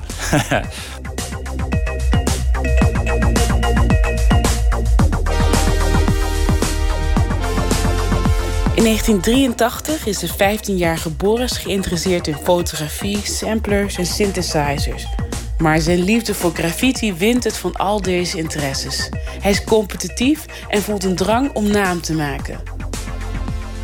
Maar niet als persoon, want dat, ja, daar ben ik toch weer te verlegen voor. Dit kwam dan op mijn pad in 83. Mensen, iemand uit mijn klas ging dat doen. En toen dacht ik, hé, hey, ja, hey. dat, dat sloeg aan. Dat werkte. En, en daarbij kwam, kwam ik, ik ben wel altijd al bezig geweest met dingen te maken. Uh, in, nou, in die tijd Lego, bouwpakketjes, weet ik veel. En met dit kon ik ook opeens... Uh, ja, ging je letters bouwen, zullen we maar zeggen. Door eindeloos te tekenen, elke keer weer een variatie op je naam te tekenen. Kon ik in ieder geval dus ook dat knutselen, dat bouwen, kon ik kwijt. Ook op dit moment zijn er nog gevechten tussen actievoerders en politie was veel meer losgeslagen natuurlijk. De stad stond helemaal ondergeschreven. Er werden natuurlijk er werden heel veel huizen gekraakt en ontruimd. De mobiele eenheid reageert vervolgens met een felle traangascharge. Boris is tiener in een samenleving waar er spanningen zijn tussen de gevestigde orde en activisten. In de jaren 80 is er woningnood terwijl er panden leeg staan. Er zijn krakersrellen, stakingen en er is veel werkeloosheid, vooral onder jongeren. Toch is Boris blij dat hij is opgegroeid in de jaren 80 ik denk als ik in, in mijn tijd internet had gehad en uh, spelcomputers, dat ik dit nooit gedaan. Ik ben echt, echt heel blij dat wij alleen maar hele suffe, of tenminste hele simpele uh, Atari 2600 of, of uh, computerspelletjes had waar je niet zo in kan verliezen als in World of Warcraft of wat dan ook.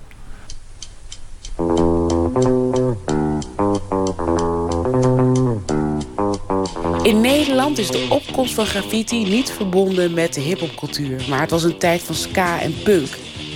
De invloed van Amerikaanse cultuur komt later, wanneer galeriehouder Jackie Cornblit begin jaren 80 New Yorkse kunstenaars als Donny en Blade naar Amsterdam haalt voor solo-exposities.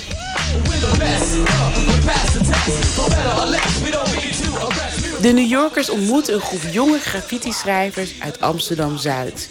Onder hen Boris als Delta en jazz, een schuilnaam van Jasper Krabbe. Onder invloed van deze ontmoeting en de films als Wild Style veranderde de stijl van deze jonge schrijvers. Voor mijn tijd had je hele, heb je een heleboel schrijvers die, die schreven naam met, met meer soort rune-achtige logo-ontwerpjes. Zo ben ik ook begonnen. Vrij snel kwam uh, de graffiti-wind uit uh, New York overwaaien met, met uh, ja, gewoon die hele hip-hop, dat hele hip-hop ding. Met films en boeken. Ja, dat sloeg aan. ja, het, grote verschil is dat zij toen al veel verder waren in die zin dat ze namen schilderden in plaats van alleen maar schreven. Dus een spuit dus ook gebruiken voor vlakke kleuren, niet alleen voor trekken.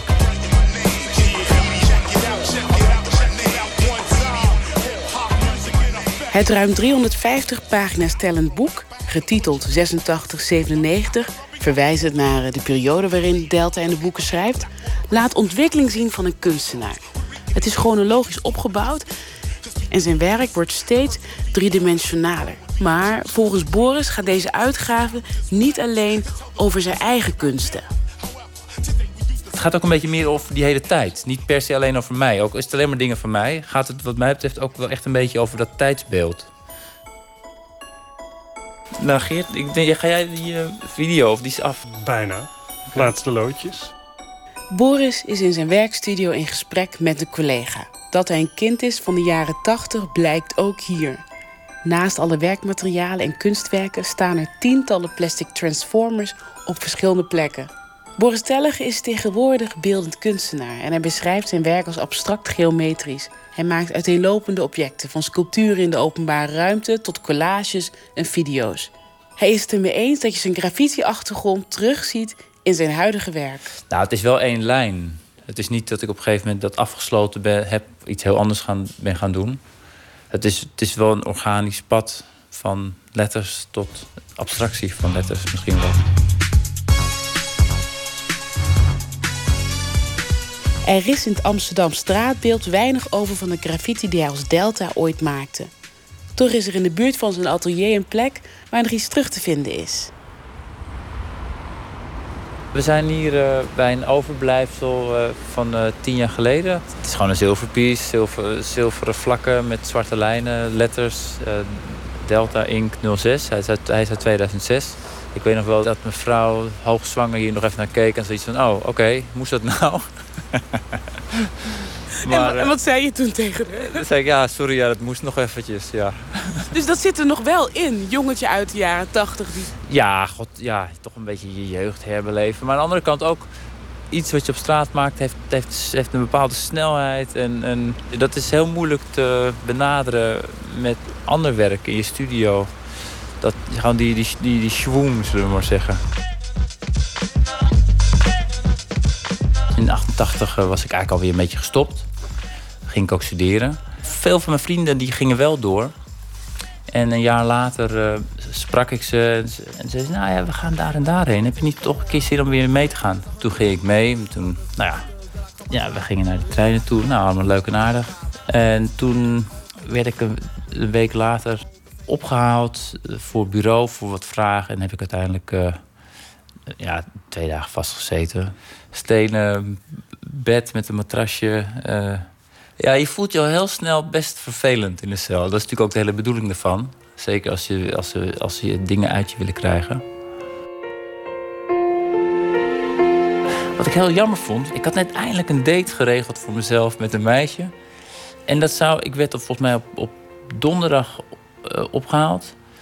En vrijdagavond zou ik naar de film gaan met een meisje. En dat, dat ging dus niet door. En dat, dat flipte ik enorm van. Want dat heb ik, ik heb me zeker een maand lang heb ik me toe uh, gezet om uiteindelijk uh, mee, te vragen. Maar dat lukte dus niet. Daarna durfde ik het niet nog een keer.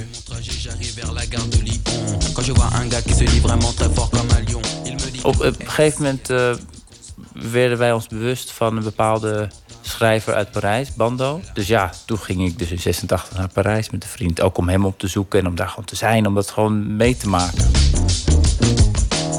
In, in 1992 ging ik met een, met een stel vrienden opnieuw naar Parijs. En we hadden een mooi muurtje gevonden. En uh, we waren met z'n drieën. En ik vond een ladder ergens, een lange ladder. Je ziet hem hier op de foto ook zo zitten. En toen heb ik die ladder daar gezet en heb ik heel hoog uh, die piece gemaakt. Maar de grap is dat dat ding staat er dus nu nog steeds. Dit is in 92, maar nog steeds als je Gare Noord binnenrijdt... je kijkt naar links, dan staat daar op 6 meter hoogte... waar dus ook niemand meer bij kan. Of je moet dus een stellage gaan opbouwen. Staat er gewoon nog steeds dus dat uh, overblijfsel... Gewoon zijn punten binnen te halen. Dit was een hele mooie plek, want die, dit gebouw stond er toen nog niet. Het was een groot parkeerding. Er stond een hek voor. En ik had eerst met de oranje zeil had ik het zo een heel groot vlak ervoor gedaan, zodat ik gewoon rustig kon werken. Tenminste, relatief rustig kon werken. Ja, want anders was het echt te veel in het zicht. En je moest dat gewoon doen, een soort drang. Nou ja, die muur moest wel even gedaan worden, ja.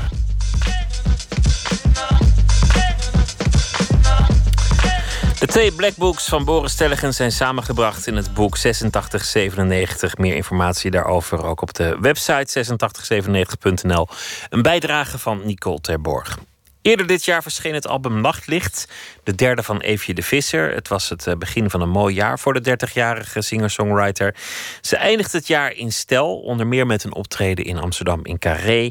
Ook zal ze nog optreden in Ancien Belgique in Brussel en Tivoli Vredeburg in Utrecht. Zometeen is het de gast in de rubriek Open Kaart. We gaan luisteren naar een nummer met de toepasselijke titel Wakker. Als ik wakker word en er is twaalf uur vliegen bij me vandaan. Hij haalt zich in en ik lig stil. Terwijl ik buiten de buien hoor overgaan. Gisteravond was even voordat ik jou kende, los van iedereen. En in de laatste trein terug dacht ik daaraan. We vlogen onder de witte wolken over stad naar land dagen werden langer en ik landde rustig en in je handen. Nu het nachtlicht brandt, kom ik weet de weg. We springen hoog en we hangen in de hete lucht. Ik dans hier langzaam maar zeker tot de avond valt.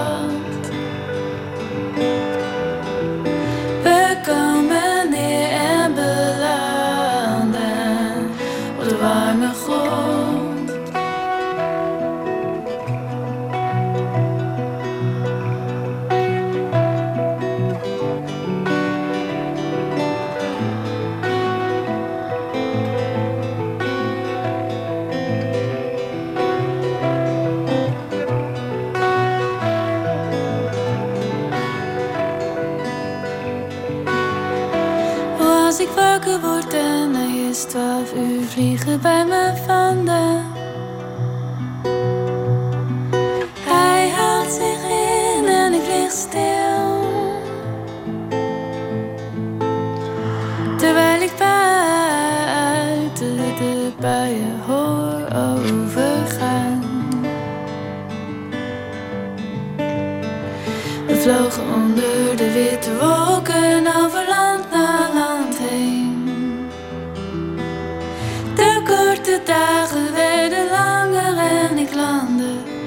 Rustig en in je handen.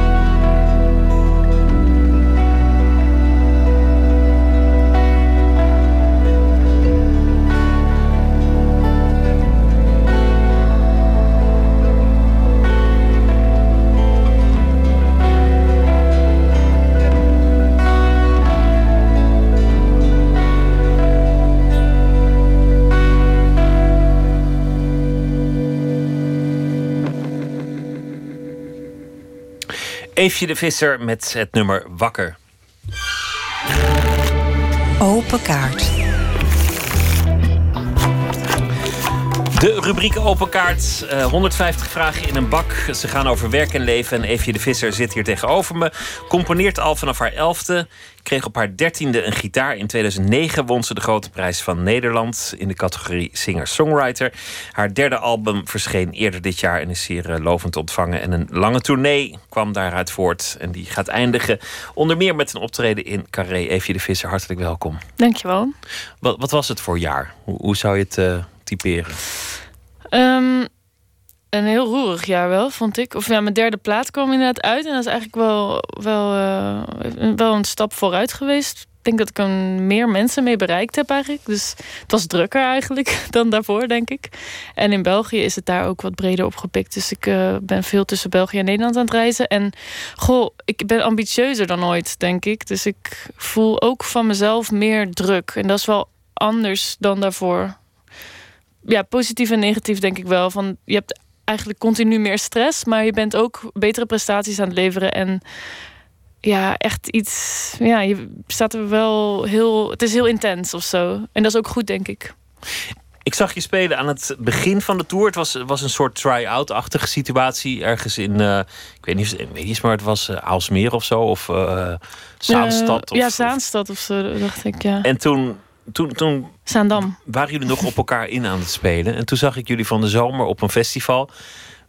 En ik kon echt zien dat jullie een jaar heel intensief getoerd hadden en gespeeld. Om, omdat het, dat het zo organisch was geworden hoe jullie uh, samen speelden. Het is denk ik heel veel minder voorzichtig geworden.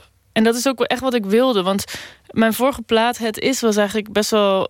Uh, veel meer akoestisch en echt een rustige plaat. Hele rustige plaat met echt zo gitaarliedjes, uh, voornamelijk. En deze plaat is veel meer een band. En ook met, met wat synthesizers en, en wat ja, gewoon rijker geluid eigenlijk. En, maar in het begin speelden we dat nog een beetje met de voorzichtigheid van die, van die vorige plaat, denk ik. En dat wilde ik op een gegeven moment ook niet meer. Dus we zijn zo echt geprobeerd om die band eigenlijk steeds meer ruimte te geven. En ja, toen je ons de tweede keer zag, waren we echt al gewoon zo op elkaar ingespeeld. En hadden we al wat meer durf, denk ik. Nu Carré, dat, dat is voor veel artiesten een, een uh, bijzonder moment. Niet, niet eens zozeer vanwege de grootte van de zaal, het een enorme zaal is, maar ook vanwege de, de status of een soort geschiedenis. Veel artiesten zijn er extra nerveus voor. Heb jij dat ja. ook? Grappig, want ik ben er dus zelf nog nooit geweest. En ik um, had me eigenlijk vorige week viel bij mij pas het kwartje van hoe ja, immens die zaal eigenlijk is en hoe bijzonder die zaal is. Ja, ik wist natuurlijk wel dat het een bijzondere zaal was en ik wilde dat ook wel. Het was wel iets wat ik graag wilde doen, maar het kwartje was nog niet helemaal gevallen of zo. En um, ja, ik moet wel zeggen dat we daar heel erg op gericht zijn om inderdaad die, die show heel goed te doen en dat uh, ik daar waarschijnlijk wel ja, wat, wat, misschien wat nerveuzer voor ga zijn. Maar ik hoop ook uh, heel erg klaar voor tegen die tijd. Want we zijn er echt wel voor aan het try-outen en aan het, aan, het, aan het repeteren. Dus ik, ik, zie er wel naar uit eigenlijk. En dan gaat, gaat de reis ook nog door naar België, waar je uh, in, in Brussel en Gent zult spelen. En waar, ja. waar het inmiddels ook echt uh, van de grond is gekomen. Je had al een band met België. Je album is daar gedeeltelijk opgenomen. Ja. Maar het publiek heeft jou nu ook daar omarmd. Ja, en uh, mijn vorige plaat, Het Is, is daar ook al opgepikt geweest. Maar wat, wat meer op de achtergrond of zo. En nu merk ik echt wel dat, dat, het daar, uh, dat er daar veel gebeurt. Ik, ik word gevraagd door Canvas. En door, ik word heel veel gedraaid daar op de radio, uh, op de radio 1 van België. En ja, ik merk gewoon dat dat een veel breder publiek, eigenlijk een breder publiek bereikt daar. En dat is wel leuk. Maar Vlaanderen is natuurlijk klein, want het is dan de helft van België, zeg maar. Dus het is, het is klein, maar ik merk wel dat, het, dat mensen het tof vinden. Dus daar ben ik wel blij om. Laten we beginnen met uh, de rubriek met de kaarten. Ik wil je vragen om zo'n kaart te trekken en uh, de vraag voor te lezen.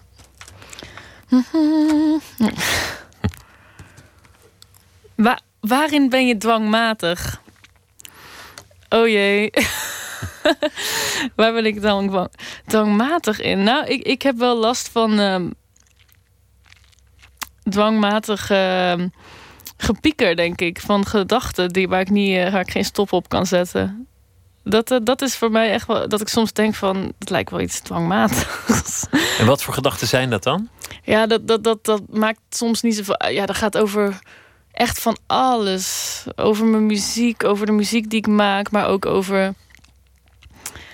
eh, ja, hoe, hoe, hoe je je leven aan het leven bent, hoe je dat aan het doen bent, hoe je de, de, ja, de soort relaties dat je aangaat. En eigenlijk denk ik ook wel veel waar muziek over gaat hoor. En misschien dat ik daarom ook wel, dat komt dan dus ook in die liedjes heel erg naar voren. Dat is een soort uh, geharrewar van gedachten en, en, eh, van de hak op de tak. Dat, zo gaat het in mijn hoofd ook. Ik kan echt dingen met elkaar in verband brengen die andere mensen echt niet met elkaar in verband kunnen brengen. En sommige mensen vinden mij dan ook heel vaag en onlogisch als ik praat of zo. Maar ja, dat gaat zo heel snel en, en, en druk. En eh, Associatief, soms, soms gepieker, soms, soms ja. vrolijk. Ja, ook wel inderdaad. Maar ik denk wel vooral dat de, de, de, de, de piek, het piekeren komt wel denk ik meer in die liedjes. Ik heb niet zo snel de neiging om iets vrolijks in een liedje te stoppen. Maar ja, daar hoor ik heel vaak van, van muzikanten. Dat ze dat blijkbaar dat dat niet iets is wat hun tot schrijven aanzet of zo. Een vrolijk iets. Maar, en dan merk ik ook wel echt dat, dat het best wel, ja, toch gewoon best wel therapeutisch is, eigenlijk, denk ik, schrijven. Want op het moment dat je je goed voelt, dan heb ik ook niet zoveel nood om te schrijven of zo. Dan, komt het, dan, ga ik, dan ben ik blij, dan heb ik naar mijn zin, dan ben ik geïnspireerd om leuke dingen te gaan doen. En, eh, of om mensen te gaan bellen, of weet ik veel, om in ieder geval naar buiten te gaan. Maar schrijven doe je natuurlijk alleen voornamelijk. En dan ook vaak dus wel op momenten dat je ehm, ja, een beetje, een beetje ja, niet zo goed weet wat je met jezelf aan moet of zo. Op zo'n moment merk ik wel dat er dan echt zo. Ineens zit ik dan met mijn gitaar op de bank. dus er dan zo Zoek je, dat, er iets. zoek je dat actief op, die, die, die situaties? Want, want je, je hebt dit nummer voor, voor een deel in, in Barcelona geschreven. Ja, eh, als ik het me ja. goed herinner. Eh, ja, deze, deze plaat heb ik gedeeltelijk in Barcelona geschreven, ja. Ja. En Florida hiervan misschien ook wel, dat weet ik niet Nou meer. ja, dit album heb je voor Ja. een deel daar geschreven. Zo- Zoek je dat dan actief op om daar alleen te zijn in een vreemde omgeving om, om jezelf in die, in die piekerige toestand te krijgen? Mhm. Oh, eigenlijk dus zie ik dat niet als dat ik mezelf in piekerige toestand krijg. Want meestal is het zo dat ik in mijn piekerige toestand kom ik tot eh, mijn eerste ideeën. Eh, en die maak ik dan af. Als ik eigenlijk niet in een. Ja, dus het is gedeeltelijk komt het gewoon eh, intuïtief in me op en eh, denk ik er niet over na. Maar dan op een gegeven moment ga ik wel inderdaad echt naar een stad of even afzonderen in mijn eentje om dan echt aan die liedjes te werken. En dan niet omdat ik zo graag wil piekeren of zo. Helemaal niet. Liever niet zelfs. Maar wel om dan het gewoon echt af te maken en te zorgen dat het klopt op een bepaalde manier. Dus daar, daarvoor heb ik, moet ik wel alleen zijn of zo, want anders dan komt er eigenlijk niet zoveel van. De sfeer van Barcelona is, is wel hoorbaar in, in, in, in de sfeer van het album. Een, een stad waar het altijd warmt en, warm is en, en broeit en Ja. waait.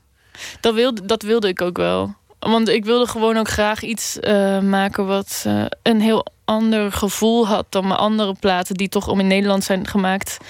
Een beetje in de randstad waar ik ben opgegroeid, zeg maar. En ehm, ik was ook wel benieuwd wat een andere stad met een toch wel andere cultuur. Of dat dan ook inderdaad invloed zou hebben op die muziek. En dat was dan blijkbaar ook wel zo. Maar ik denk ook wel dat Gent een eh, invloed is geweest. Want België en Nederland zijn ook heel andere muzikale culturen. Hebben hele andere, het is een hele andere smaak in België dan in Nederland, heb ik het idee.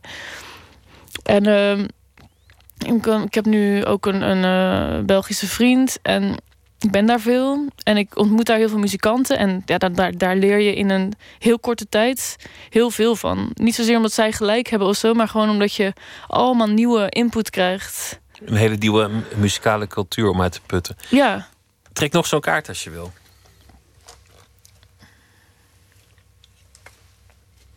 oh wat mooi. Hoe zou je het liefst sterven? Zo. Ja, eh, goh, hoe zou ik het liefst sterven? Liefst ehm, inslapend. Ik denk iedereen wel. Ja, gewoon naar bed gaan en niet meer wakker worden en het niet doorhebben. Het liefst als je nog niet al te ziek bent. En het liefst als je met iedereen met wie, eh, ja, waar je omgeeft eh, oké bent. Alles in vrede en dan. Maar Ja. dan ben je er niet bij. Je gaat maar één keer dood en dan, en dan, dan, dan weet je het zelf niet. Ja, dat is ergens me- bijna zonde. Oh, dat- zo kan je het ook zien. Ehm, Ja. Nee, maar ik denk dat ik. eh, Goh. Nee, meestal zijn het ook niet hele leuke momenten volgens nee, mij. nee, nou ja, sommige. Soms schijn je een beetje high te worden van bepaalde. Als je bijvoorbeeld bevriest, dan schijn je op het allerlaatste een beetje high te worden. Dat is dan misschien nog wel leuk. Maar de periode daarvoor, voordat je high bent, maar gewoon heel erg koud, lijkt me dan weer niet echt leuk. Nee, ik zou echt wel graag willen, willen inslapen als ik nog niet al te ziek ben ergens een keer. Ja. Trek nog een kaart. Oh, bij wie ben je in de leer geweest? Eh, bij meerdere mensen wel. Eigenlijk bij veel mensen. Eh, maar bewust in de leer. Want ik bedoel, ik leer eigenlijk het meeste van gewoon nu vrienden met wie ik muziek maak, denk ik, onbewust. Eh, maar ik ben wel, ik heb heel veel geleerd van mijn oom, van mijn oom Ruud.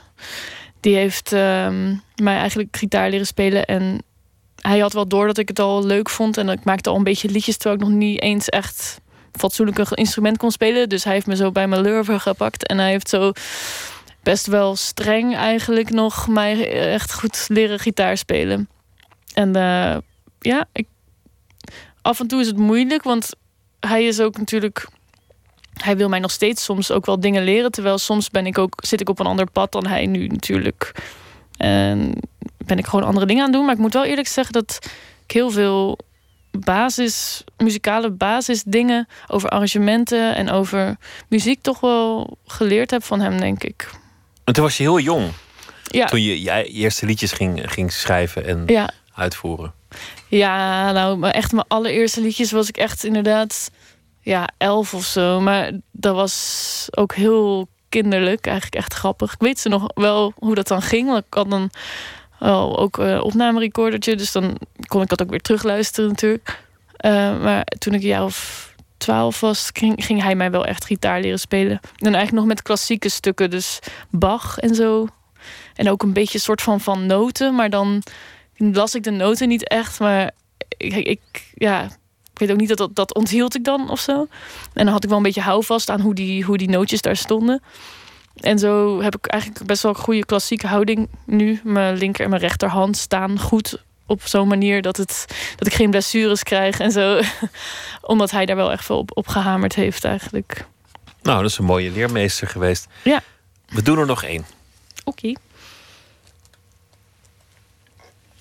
Geloof je in de toekomst? Ehm, ja, ik ben. Ik, ik vind het moeilijk.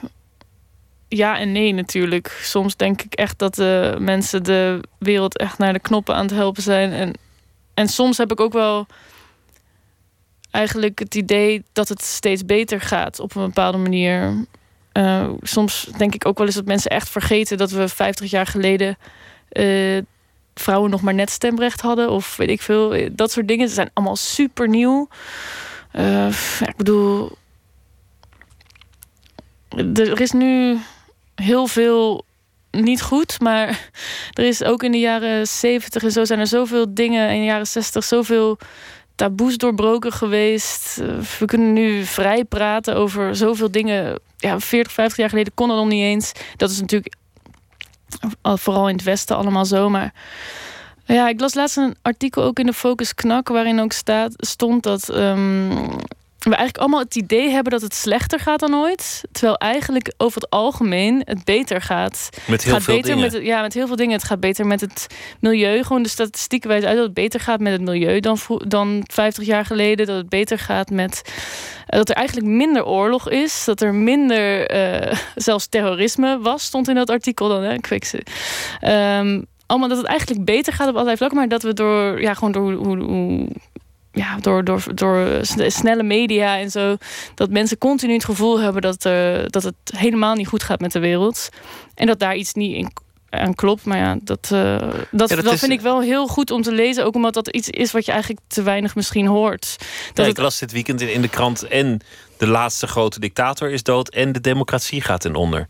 In één krant. ja, ja, dat is heel, heel raar. Die is zoveel, zo ongelooflijk veel nieuws op dit moment. En zoveel tegenstrijdige berichten. Het is echt zo ge- geëxplodeerd ergens.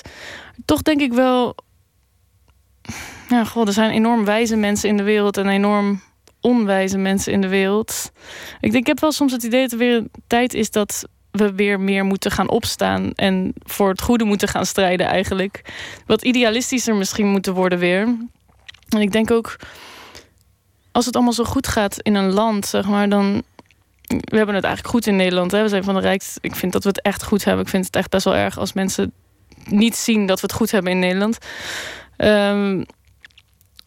Wa- goh, wat zei ik nou eigenlijk? Sorry. ik Nou ja, dat, ik- als, als het goed gaat, is het, is het verleidelijk om te, om te gaan mopperen. Dat is Oh, nee, ik, eigenlijk ik, wat je weet, wilde ik wou echt. Nee, als het goed gaat, is het ook verleidelijk juist om gewoon niks te doen. En om niet meer te gaan. eh, ja, wat, ik zeg in de jaren 60, 70, jaren 80 misschien ook wel. Waren mensen nog wel echt aan het strijden voor dingen. Voor beter onderwijs, voor minder racisme, voor meer gelijkheid tussen mannen en vrouwen. Al die dingen. Dat is nu al eigenlijk even niet. Of in ieder geval een stuk minder. Ik merk wel dat ik nooit een, echt een tijd mee heb gemaakt waarin men dat massaal deed. Maar ik voel wel iets opkomen nu ook met Trump en zo. En ik het gevoel heb dat er echt wel nu een generatie weer op moet gaan staan om eigenlijk weer idealistisch te worden of zo. Om weer te werken aan een, eh, een, een betere samenleving. Ja. Eefje de Visser, dankjewel. Aanstaande zaterdag is het eh, optreden in Carré. En eh, daarna ga je nog naar ehm 14 december de handelsbeurs in Gent. En de 15e in eh, Brussel in Ancien Belgique. En 30 december in Tivoli Vredenburg in Utrecht. Dank- Veel ja, plezier. klopt. Dankjewel. Dankjewel. Soulzanger uh, Merle Spears uit Louisiana brak nooit helemaal door bij het grote publiek. Maar eh, hij had dan ook een baantje erbij als vrachtwagenchauffeur. Een van zijn kleine meesterwerken uit 1965 is een blues ballad. It's just a matter of time. Someday, baby, when it come to the light, after you looked over your wrongdoing, you realize I was right. How could you break a heart that really loved you? A heart that's satisfied in everything you do. You had trouble deep down inside. Oh, but you didn't tell no one. You had so much pride,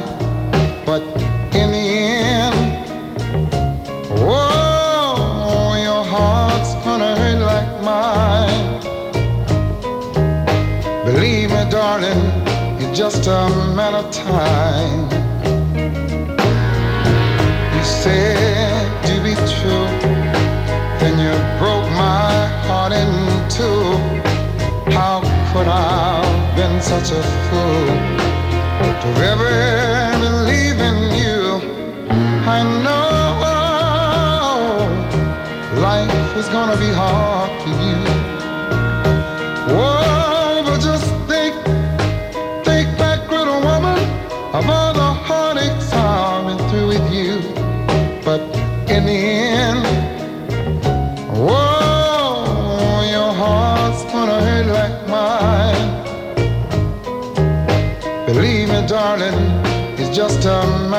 of. Whoa. A of time, baby.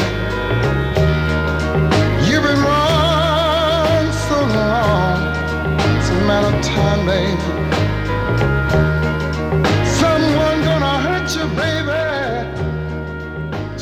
Of time, baby. Merle Spears was dat met It's Just a Matter of Time. Nooit meer slapen. Het is alweer 50 jaar geleden dat aan het Spui in Amsterdam de boekhandel Atheneum werd opgericht. Een mooi moment om te kijken wat nou eigenlijk het belang en de positie is op dit moment van de fysieke boekwinkel. Te beginnen met het perspectief van de boekhandel met Atheneum-directeur Maarten Ascher. Op het Spui in Amsterdam, schuin tegenover het Maagdenhuis en met daartussenin standbeeld het Lievertje, hangen de rood-wit gestreepte luifels van Boekhandel Atheneum. Daarnaast zit het zusje Atheneum Nieuwscentrum, waar je kranten en tijdschriften kunt kopen. In 50 jaar tijd is de boekwinkel uitgegroeid tot een van de bekendste van Nederland. Met het imago dat er, naast de gebruikelijke titels, vooral aandacht is voor boeken die intellectueel interessant zijn. Zelfs als ze niet noodzakelijkerwijs goed verkopen. Zoals boeken over de klassieke oudheid of Franse en Duitsstalige literatuur. Maarten Ascher is sinds 2004 directeur van Atheneum, maar hij bezocht de winkel al in zijn studententijd.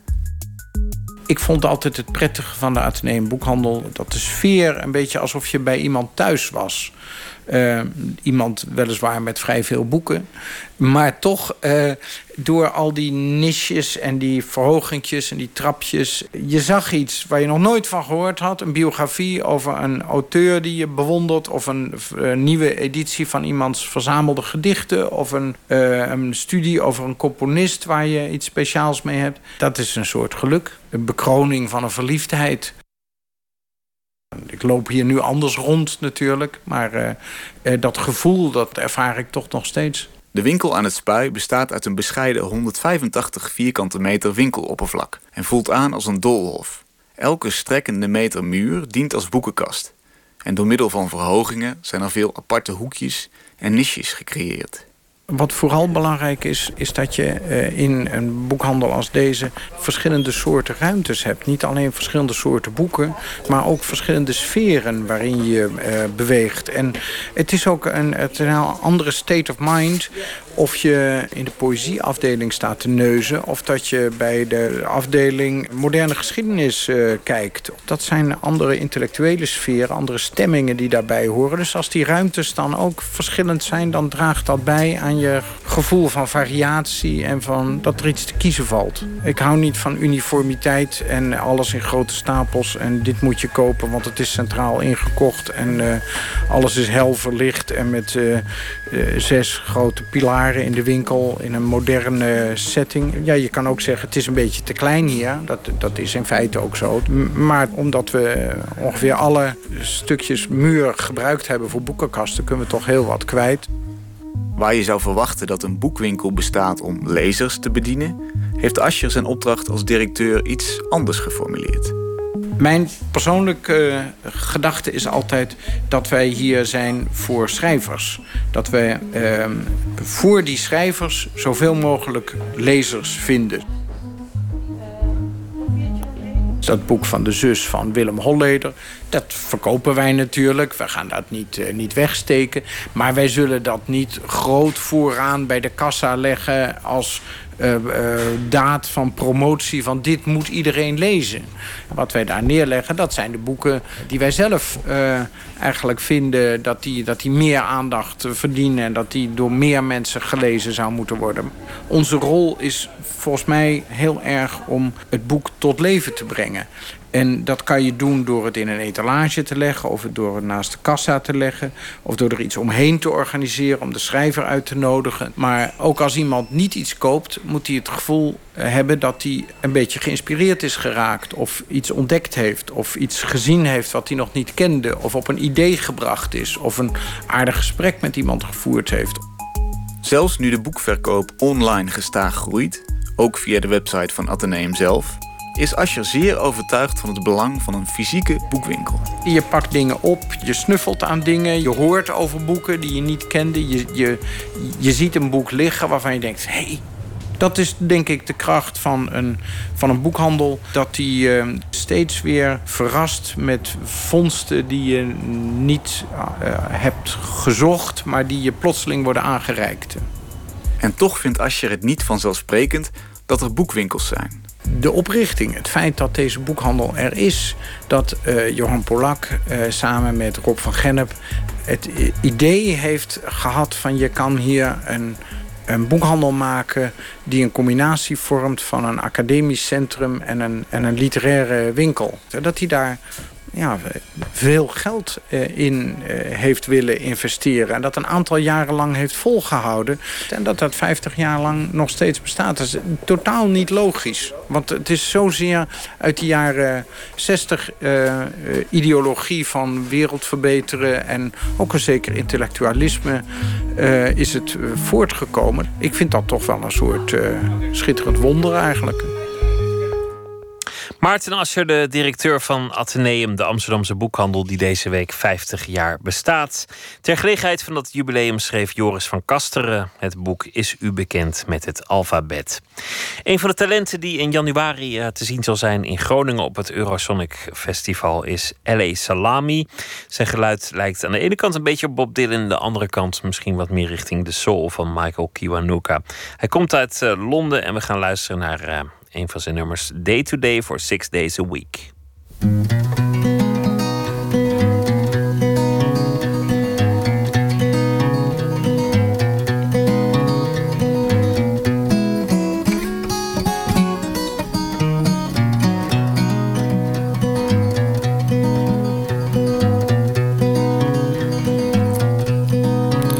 Took the bus, took the train, went to work, ignored the pain. What a rainy day, unfriendly faces, got dragged around all types of places. Closed my eyes, smelt your hair, looked around, but you weren't there. Had some lunch, jacket potatoes, chicken wings, and fried tomatoes. After that, lit a fag, said a prayer, and took a drag. These days our toast never do combust so much. I burn for the both of us though. Second day, second job, passing thought for the world to stop. Shoes are too tight, feet are aching, cold and sick, but I was faking. When I do go, I'm late. Always make the same mistake. That mistake being not caring. Six days a week, I'm from my bearings. But to be fair, I might have cared. Might have cared if you were there. Might have cared if you were there. Might have cared if you were there.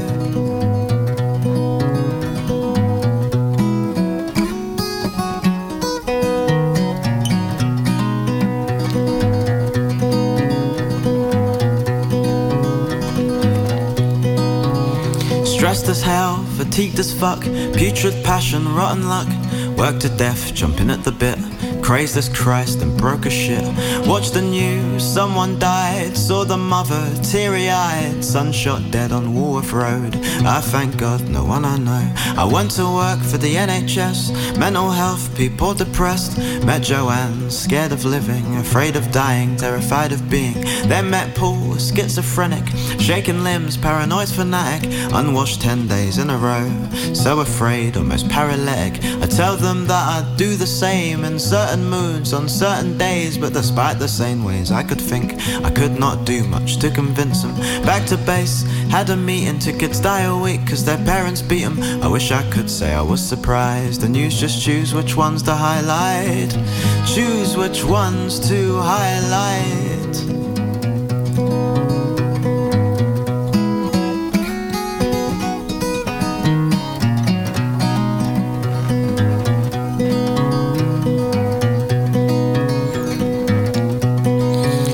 The DLR, took the tube, read a book, nothing else to do. Read Jill Hicks, she survived the bombings, wrote a book, made a killing. I read somewhere that some lost their legs. I'm seen injured, 52 dead in some places far away. That shit happens every day. Now scared of buses, scared of trains, but got to get to work some way. So I play with my life, you could say. But don't we Don't we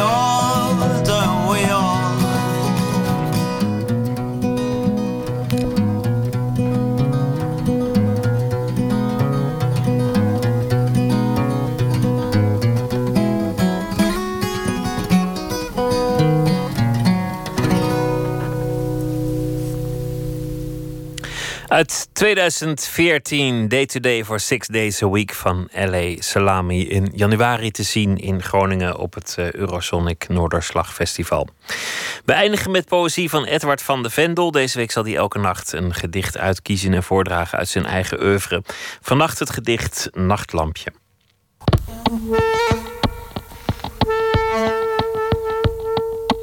Nachtlampje. Mijn nachtlampje heeft een lachje van licht.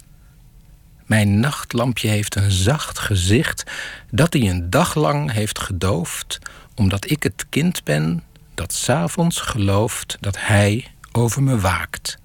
Zo heeft hij zichzelf dapper gemaakt. En nu gaat hij voor mij aan.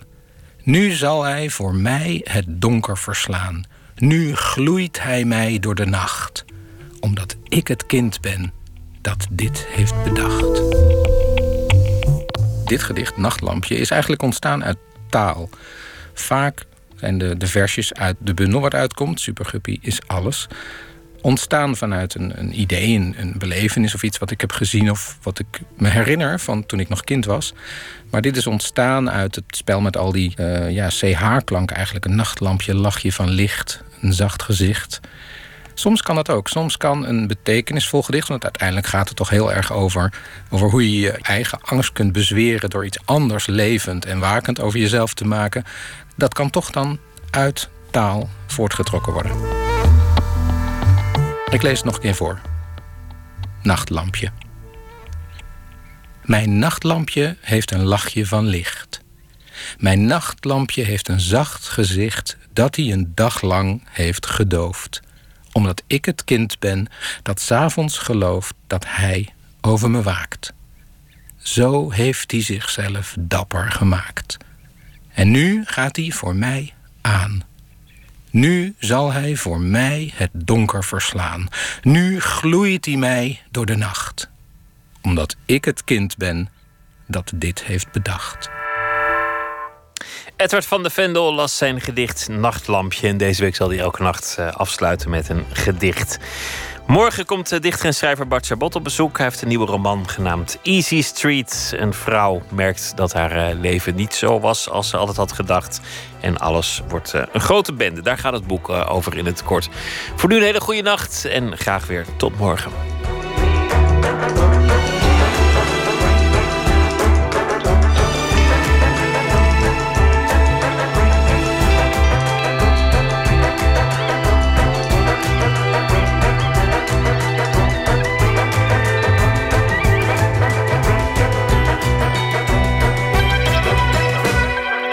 Radio 1, het nieuws van alle kanten.